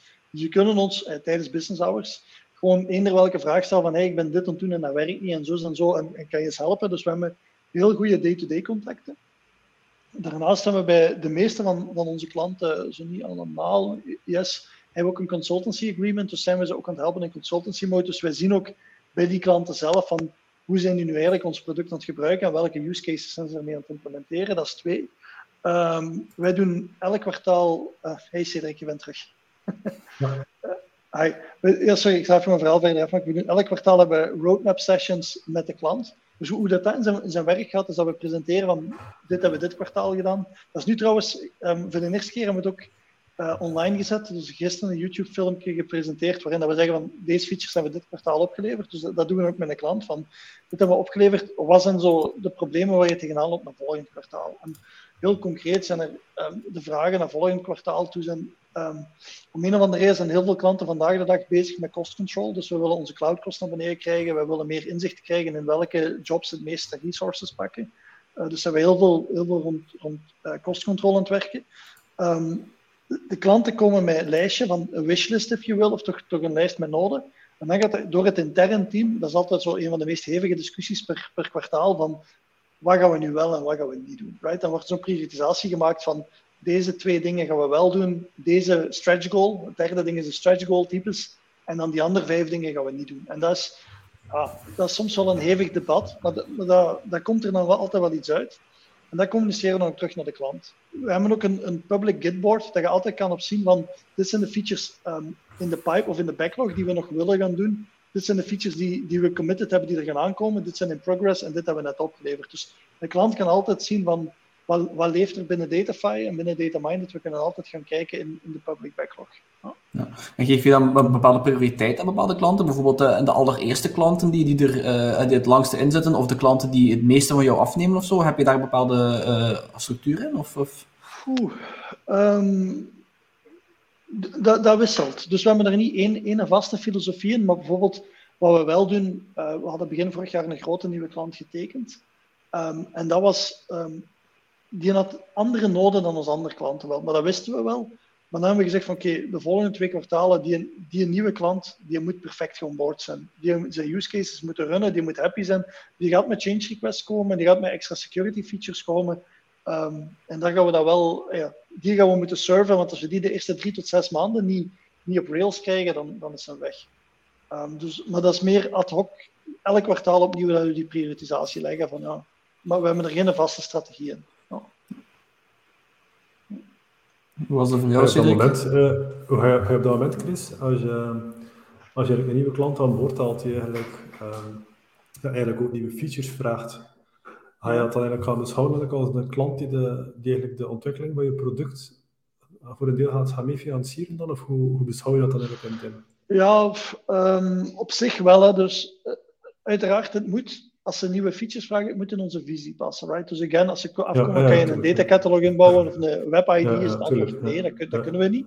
Maar als het in onze visie past, dus bijvoorbeeld heel concreet, uh, wij willen multi-cloud gaan. Onze offering is nu op AWS alleen beschikbaar. Maar we willen ook naar Azure en GCP gaan, dus als er een klant komt, en, die, en dat is nu een heel concreet geval, wij willen dit op Azure, dan zien wij dat wel. Wij gaan niet een Azure-versie bouwen voordat er een klant voor wil betalen. Maar als er een klant is van ja, ik, ik zie wat je brengt op AWS, dit op Azure alsjeblieft, ja, dan gaan we een Azure-versie bouwen. En dat gaat er nu ook aankomen. Ja. ja. ja. Dus, um, maar het is niet zo dat we dan... ook een serieuze opstart kost om eigenlijk die ontwikkeling voor een deel te gaan kickstarten? Of, ja, er is, er is soms wel een, een er is typisch van een opstartpost verbonden aan ons product, omdat we moeten dat ook installeren in uw omgeving en zo. maar dat is niet, niet specifiek voor... Het is, het is niet dat we zeggen, dat hebben we wel geprobeerd. Um, we hebben zo geprobeerd van, kijk jongens, we hebben deze vijf features in de backlog zitten. Um, als je wil, kan je features prioritiseren, maar dan moet je ze wel ja. sponsoren. Dan moet je ze betalen, zo shared development of zo. Ja, dat ook. Ja. Maar dat, we zijn daar wel mee gestopt. We zijn er... Um, om, om eigenlijk om de simpele reden, ik krijg je heel veel van die gespannen discussies van ja, maar Um, hoe lang, eigenlijk gaat dan zeggen van ja, maar hoeveel gaat je feature kosten? Terwijl wij doen, heel, eh, wij doen alleen maar heel ruwe estimates van oké, okay, we moeten een nieuwe feature bouwen. Wij denken dat dat een, een, extra large feature is en zo kunnen we er maar twee doen op een kwartaal. Of eh, whatever. Maar we hebben dat niet echt gepinpoint op dat, dat is 100 mandagen. I don't know hoeveel mandagen dat, dat gaat zijn. Terwijl als je dat gaat shared development doen met klanten, moet je daar wel estimates op kunnen geven en commitments. En op een gegeven moment zitten we meer in discussie met klanten dan dat we ja, aan het bouwen waren. Dus, daar zijn we wel van afgestapt. Jullie doen dat nog wel? voor ons was het wel, dat waren meestal kleinere features ook. Hè. Dat was bijvoorbeeld een kleine feature die er nog niet in zat. En dat we konden echt mooi gaan zeggen van kijk, oké, dat gaat zoveel gaan kosten. En de klant kon het dan gaan kopen aan een, aan een fractie van het, van het bedrag. Maar op die manier financieren die wel mee. En eigenlijk, eigenlijk de grootste reden dat we dat deden was eigenlijk niet om die, om die cash te creëren op dat moment. Maar was eigenlijk gewoon de klant voor voor het om feit te plaatsen dat hij eigenlijk een heel goedkoop product heeft, dat hij wel een grote feature request doet, is hij wel bereid om ervoor te betalen. Als die klant voor het niet bereid is, als dat een kleine feature is, en die klant is niet bereid om daar, om daar 2000 euro voor te betalen, hoe belangrijk is die feature eigenlijk voor die klant? Want dat is makkelijk. Hè? Je vraagt aan de klant van, uh, ben je tevreden van ons product? Stuur hier je feedback. En iedereen stuurt feature request door. Maar als je dan zegt tegen de klant, wil je er 1000 euro voor betalen? Ah, oeh, nee, zo dringend is het niet. Dus soms is er een bedrijf, eh, eh, als je er een bedrag op plakt, is soms ook duidelijk van oké, hoe dringend is, dat, is die feature. We hebben ook omgekeerd, we hebben voor een grote organisatie ooit uh, een paar features gebouwd, uh, want dat moest erin zitten, uh, omdat ze klant wouden, wouden worden. Ja. En ze zijn, ze hebben die lang klant gebleven voor een andere reden. Er kwam een andere marketingverantwoordelijke, dus ze zijn weer vertrokken. Maar ja, eigenlijk heeft die klant wel bepaalde nieuwe features. Hè. Op dat moment betaalde je software en is dat wel ja, ze, ze kruipen nergens, ze krijgen nergens voorrang op de roadmap. Omdat je weet van als er geld voor willen betalen, is voor hen een belangrijke feature. Maar ja, het, heeft, het, zorgt ook veel voor discussies. Ook. Je moet ook inschattingen gaan maken, want dat kost ook tijd. Inschattingen gaan maken op features dat je misschien zelf niet zou gaan bouwen. En vooral je ook niet soms weet van, ga je ze wel kunnen verkopen op dat moment. Dus ik volg ook wat je verhaal, dat heel de communicatie teweeg brengt ook met de klant zonder dat hij nodig is. Ja, nee, nee, nee absoluut. En wat misschien bij ons ook anders is, omdat we zo echt enterprises bedienen, dus typisch de grotere bedrijven, die hebben yearly budget cycles. En het is niet dat die geen 2000 euro voor een feature kunnen betalen, maar dan zo, oeh, guys, dat proces om, en het ging vaak wel over meer dan dat natuurlijk, maar dat proces om, dat, om dat geld vrij te krijgen en dan nog een kwartaal. Dus voor ons, ja, zeg, zeg nooit nooit, maar voor, voor ons denk ik dat dat was niet zo'n geslaagd experiment. Dus ik denk niet dat we daarop gaan, gaan terugkomen. Misschien wel bij, bij een KMO, dat je zegt van ja, als je deze fiets wilt hebben, 2000 euro, en je hebt gewoon één decision taker en die zegt ja, ah, mhm. dat is een kort gesprek, right? Uh, Maar bij ons was dat niet, was dat niet mhm. ideaal. Dus ik zie dat Jan terugkomt. je, moet, verder gaan, je moet, je moet naar mij kijken. Dus uh, het is allemaal heel boeiend wat er gezegd wordt, geen probleem. Um, ik heb nu heel veel dingen gehoord over jullie, uh, over jullie verhaal. Jullie zijn beiden uh, B2B. Hè? Um, dus misschien, de vorige vraag gaat misschien een beetje uit jullie element zijn, maar ik ga hem toch stellen, misschien dat jullie context hebben van andere mensen. Hebben jullie weet van verschillen tussen SaaS-producten die voor B2C zijn? Uh, wordt dat anders benaderd? Of, of, of heb je zoiets van, ja, B2B is beter omwille van die en die reden? Uh, of of uh, misschien, Cedric, je gaat nu een nieuw SaaS-product beginnen. Heb je, heb je gekeken naar een, een B2C-markt? Of is, dat, is het totaal buiten de kwestie geweest voor jou? Het is sowieso een totaal andere markt. Ik denk, het is wel zo kleine ondernemingen lijken meer op B2C in bepaalde opzichten natuurlijk dan wat, wat Chris gaat, uh, tegenkomen met enterprises. Over het algemeen is een eenmanszaak, gaat dat, die, die, ik zeg als dat een schrijnwerker is, dat is misschien dezelfde persoon die, die s'avonds een B2C-productje gebruikt voor iets anders. Dus, dus, dus fysiek zijn dat dezelfde mensen. Ik zeg ook altijd, B2B bestaat niet, want je spreekt eigenlijk altijd met mensen. Dus ook in de, in de enterprise-wereld, ja, puur, puur op vlak van sales. Uh, ja, sluit je deals met mensen. Dus op dat zijn, en dan op zijn bestaat B2B niet.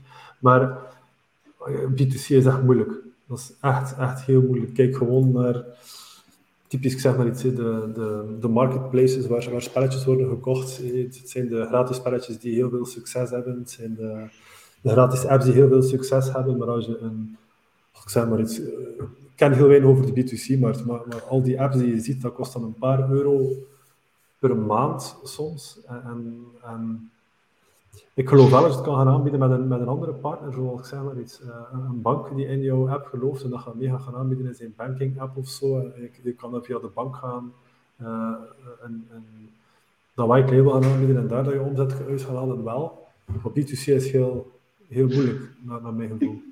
Ik, ik denk wat wel natuurlijk is bij B2C, um, ehm, als je wint, dat is echt wel een winner takes all market vaak. Hè? Dus, dus je, als, als je het over wij willen, schaal, wij willen schaalbaarheid hebben, er is niks zo schaalbaar dan een B2C product. Ja. Zo de, iedereen kent de succesverhalen van de, van de Uber en de, en, de Instagram. Uber is misschien nog niet helemaal B2B, maar de, de Instagram en de, en de, en de WhatsApps en, en, en die, die bedrijven die, die zo gigantisch rijk zijn geworden met een heel klein team. En dat WhatsApp-team, dat was 13 man of zo. Hè.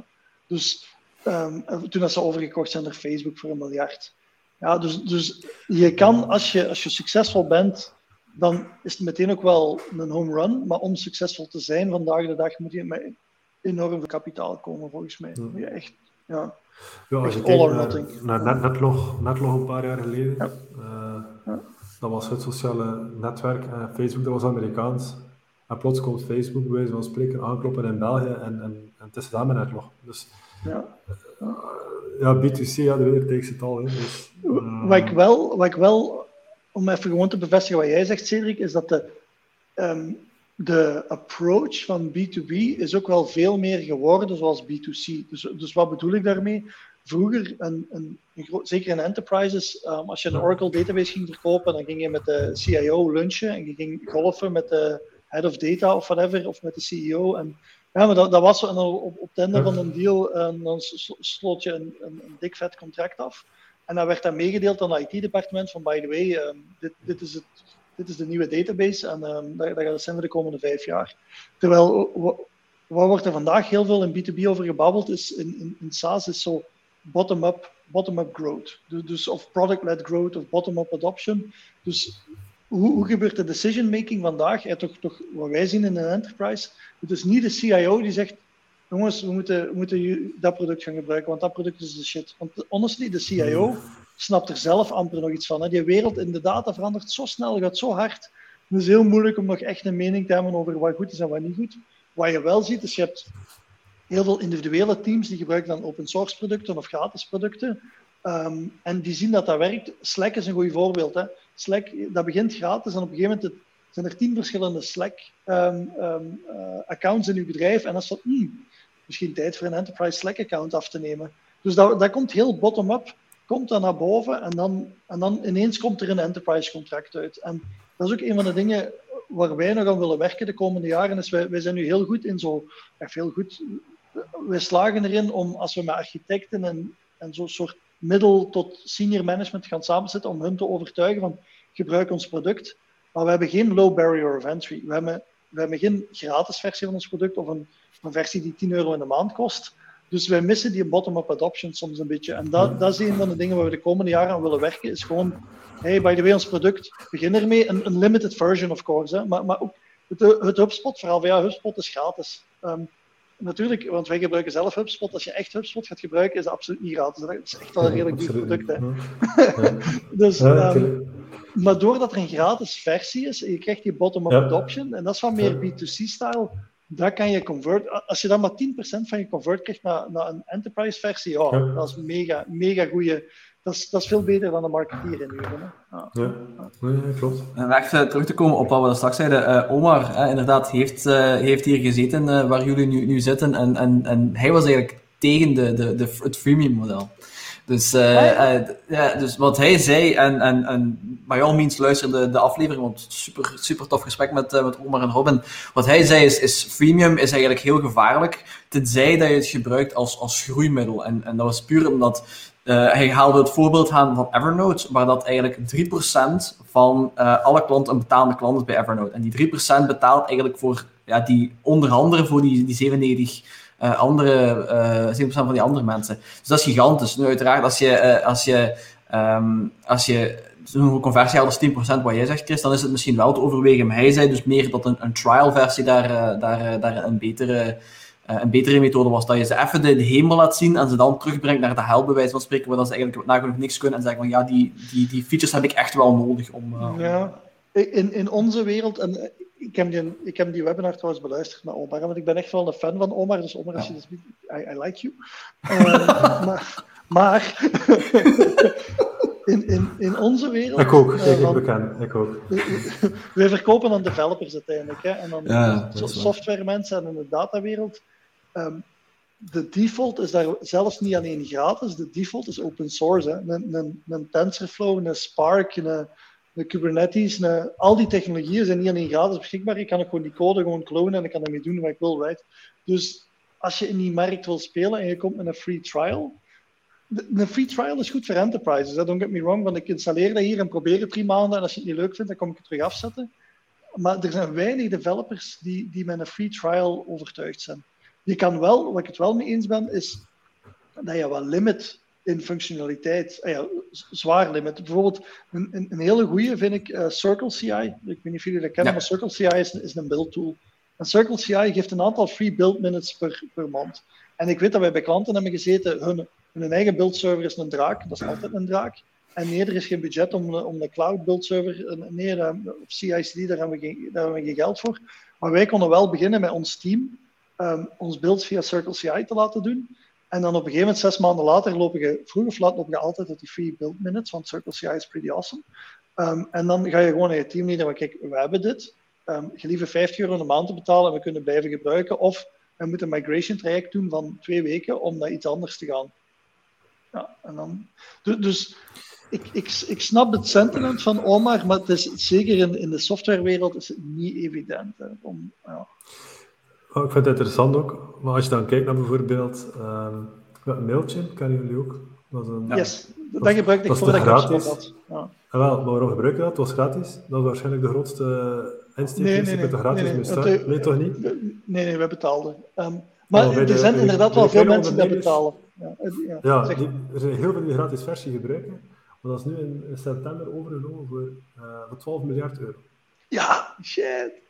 12 miljard euro. En allee, ik weet het niet, maar misschien is 95% van de users zitten misschien op de gratis versie. Dat zijn misschien allemaal eenmanszaken en VC2 zit niet erg dat dat loodje van Mailchimp onderaan de mening staat. Het kan minder zijn ook, je hebt zelfs met 70 of 50%, maar hoogstwaarschijnlijk een aantal users is dat misschien ja, het grootste deel zal het freemium model zitten, maar maar dat is een beetje bottom-up. Je raakt binnen, zoals, zoals ja. de voorbeeld van Slack, je raakt binnen in een onderneming.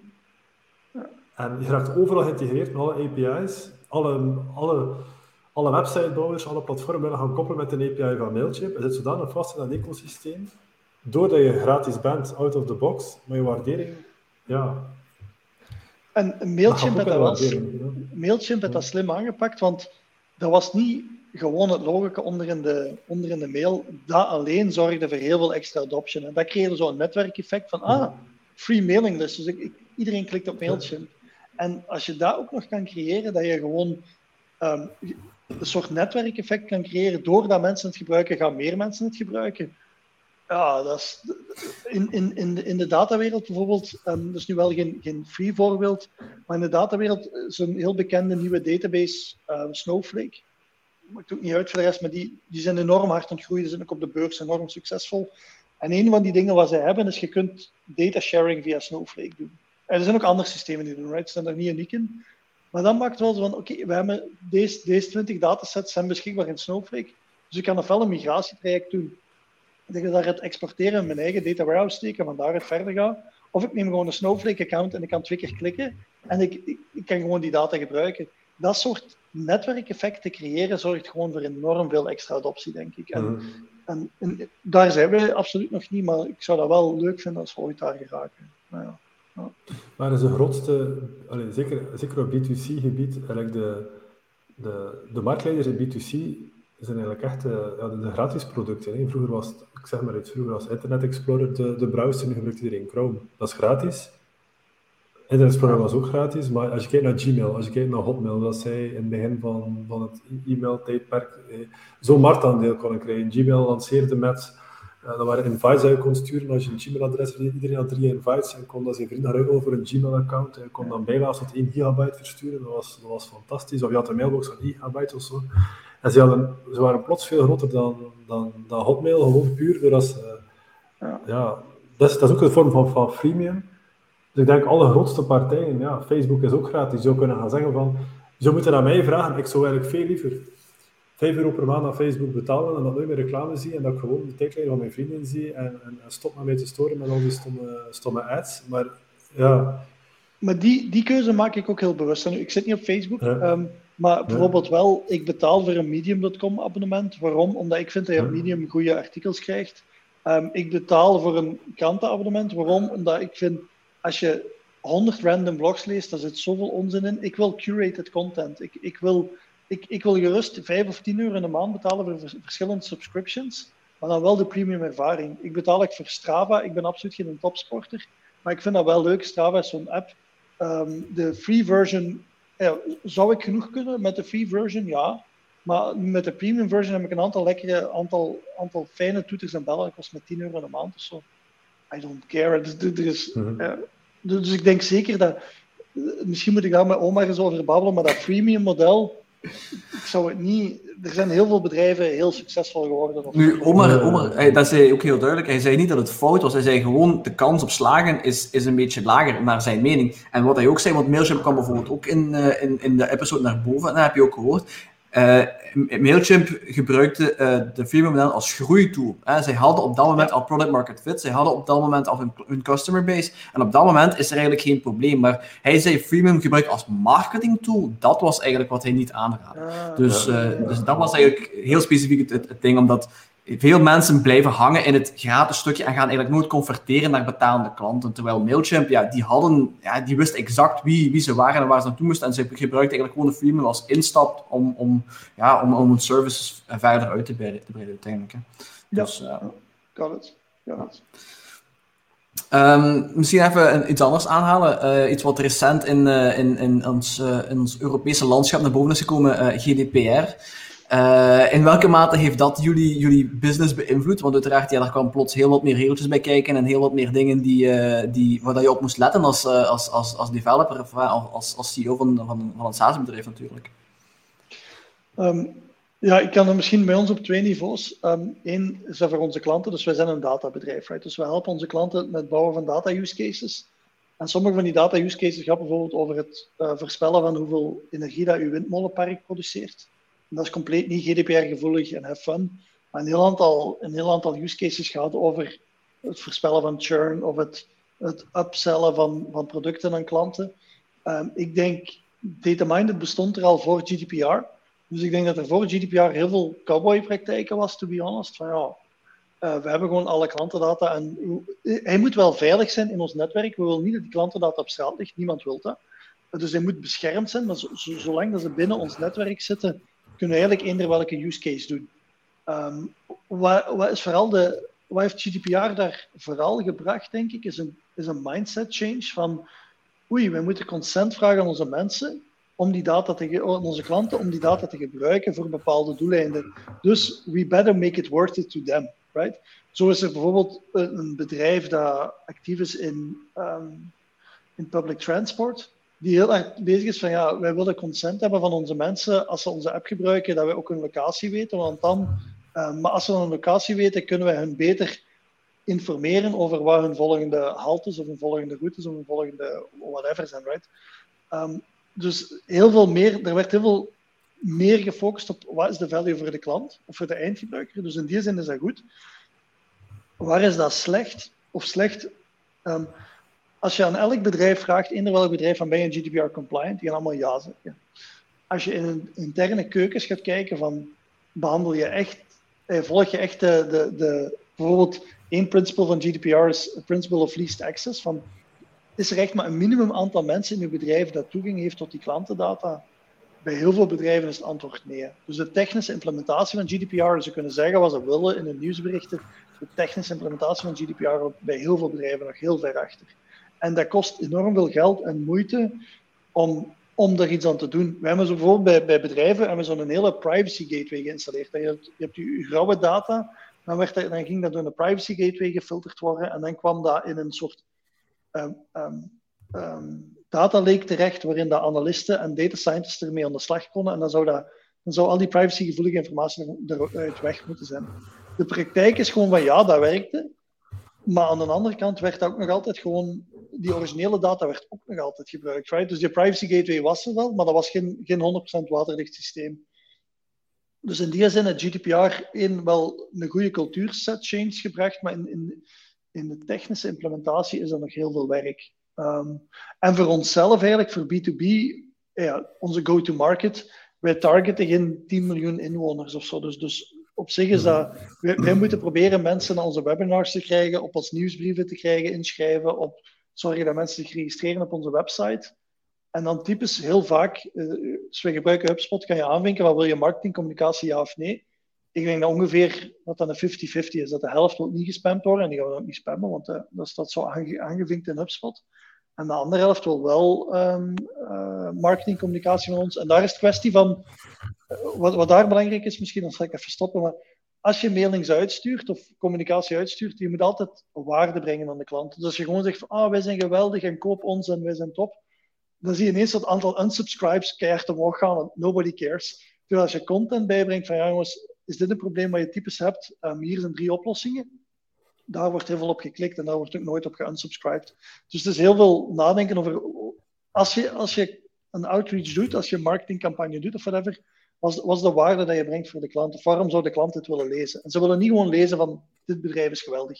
Ze willen een bepaald probleem, ze hebben een bepaald probleem dat opgelost moet worden.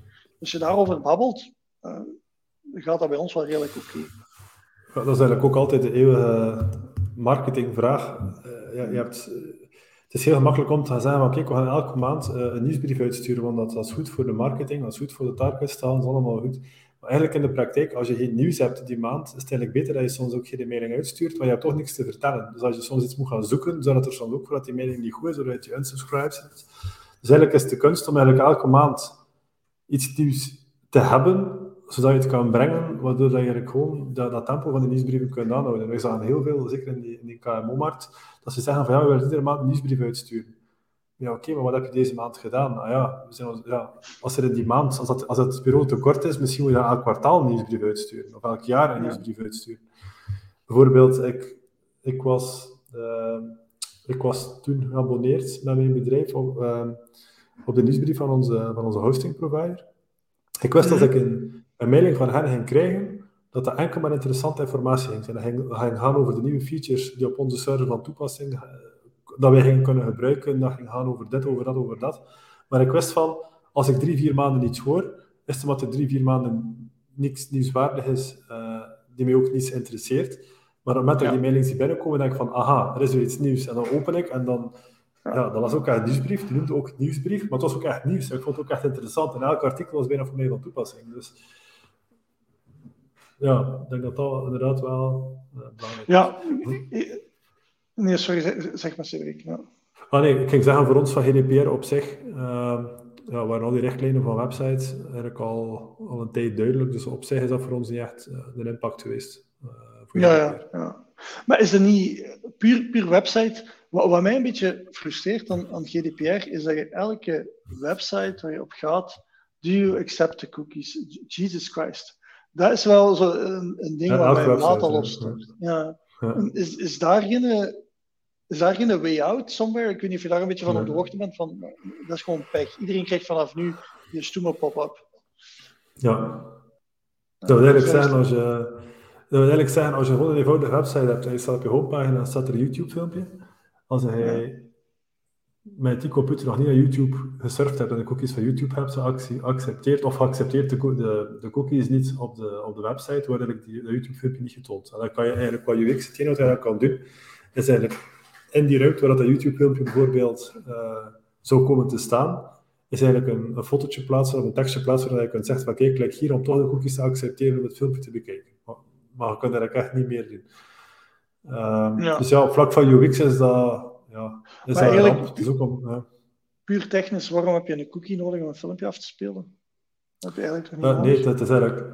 Nee, inderdaad. Want dus omdat, ja, YouTube leeft van de advertentieinkomsten. Dus YouTube zegt van ja, oké, eigenlijk als je dat filmpje op jouw, op jouw website plaatst, uh, willen wij die bezoeker kunnen trekken.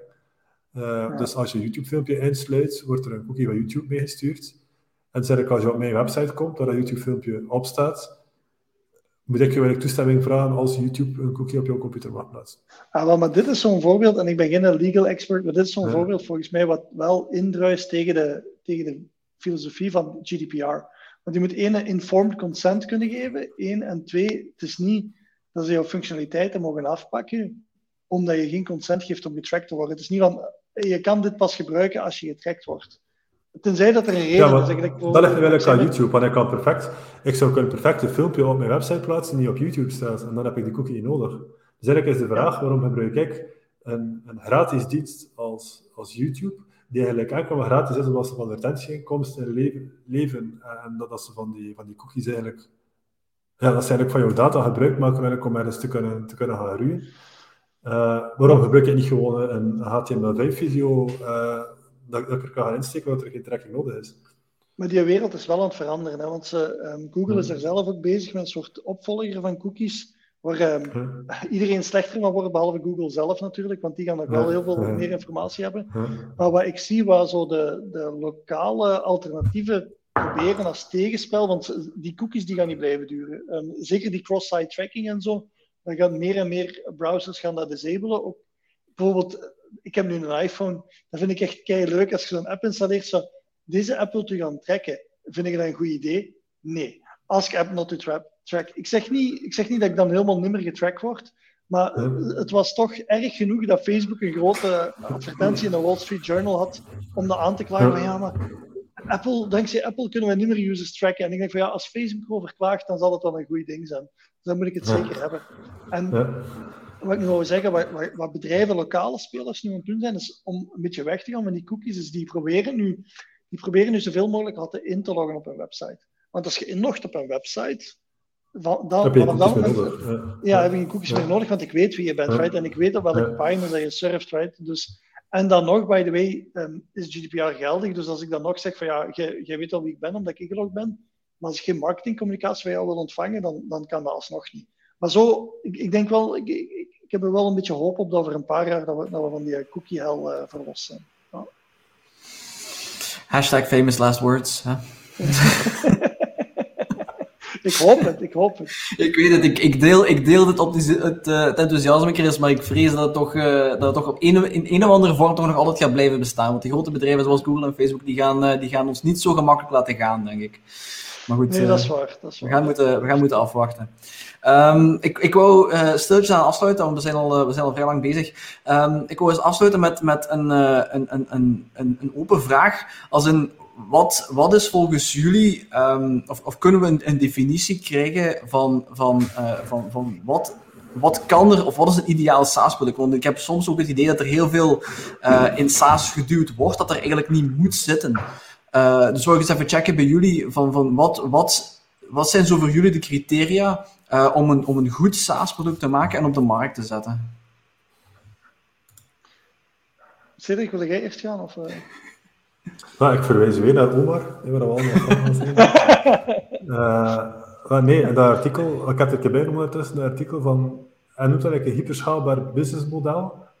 Gebruikt eigenlijk immateriële activa als grondstof. Dus eigenlijk wat dat zeggen, en die maakt eigenlijk de vergelijking waarin hij gaat zeggen van kijk, ja, vroeger um, ging een, muziek, uh, een muziek, muzikant, uh, een troubadour bij spreken, ging langs en maakte muziek. En als je die muziek uh, vijf kilometer verder wil horen, moest die persoon zelf daar muziek gaan maken. Ja, de uitvinding van, ja, gewoon van van de radio of van, of van een mp3 of zo, gezorgd dat eigenlijk muziek direct internationaal schaalbaar wordt. Als je een goed nummer hebt en je kan doorbreken, kan je direct internationaal gaan. Dus als je het immaterieel hebt, als je eigenlijk geen grondstof hebt dat je verkoopt, ben je eigenlijk al hyperschaalbaar.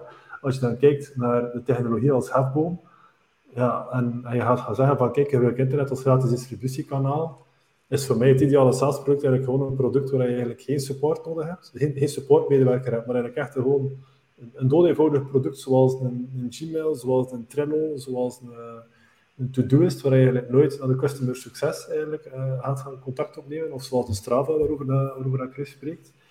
Um, waardoor dat je zelf niet in de, in de hardware of het distributiekanaal moet gaan investeren, want het gaat gewoon allemaal online of via, via een marketplace of via internet. Um, dus ja, het ideale SaaS-product is iets waar je maar met, met, met drie mensen honderdduizenden klanten kan, uh, kan bedienen, zonder dat er eigenlijk extra workload bij komt per extra klant. Ja.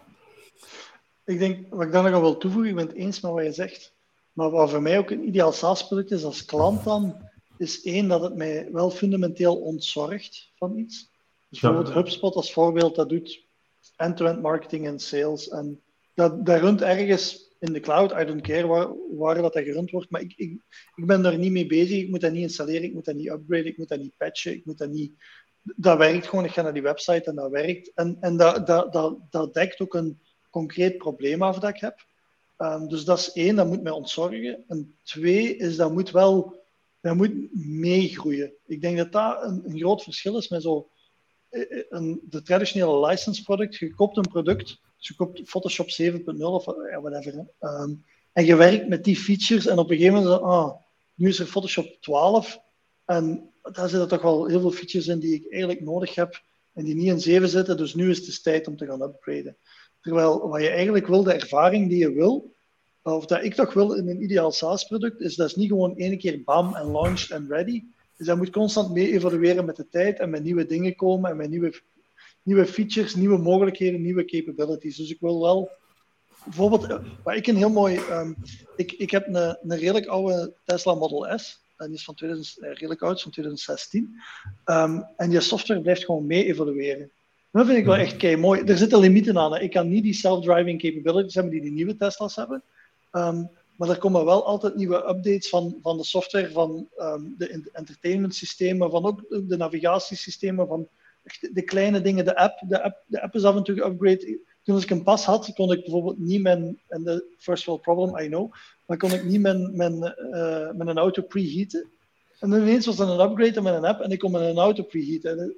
Super luxe probleem, I know, maar ik kon tien minuten voordat ik vertrok, kon ik even zeggen, ja, ik wil dat 21 graden is in mijn auto en ik, ik stap binnen. En dat is gewoon over-the-air update. En ik denk dat, dat die mindset, als je dat vergelijkt met zo de, de traditionele autobouwers, ah, je wilt een nieuwe feature, ja, breng hem maar eens binnen, we gaan er eens aan de laptop hangen en je krijgt een nieuwe versie van de software.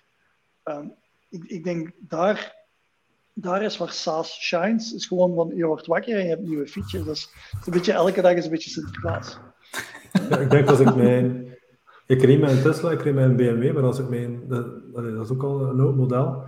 Maar als ik mijn GPS wil gaan updaten en ik denk dat ik naar de BMW-dealer moet gaan en dat ik een CD-ROM moet, uh, moet, moet kopen om, hem, om mijn auto te kunnen updaten. Of het kan misschien via USB, kopen. weet niet. En, kopen, kopen inderdaad. Aan, aan een deftig, ja. deftig bedrag dat is, kopen. Niet dat is een auto van 20 euro. 2014 of 15, dus dat, dat is, die auto is ook nog niet zo oud. Hè.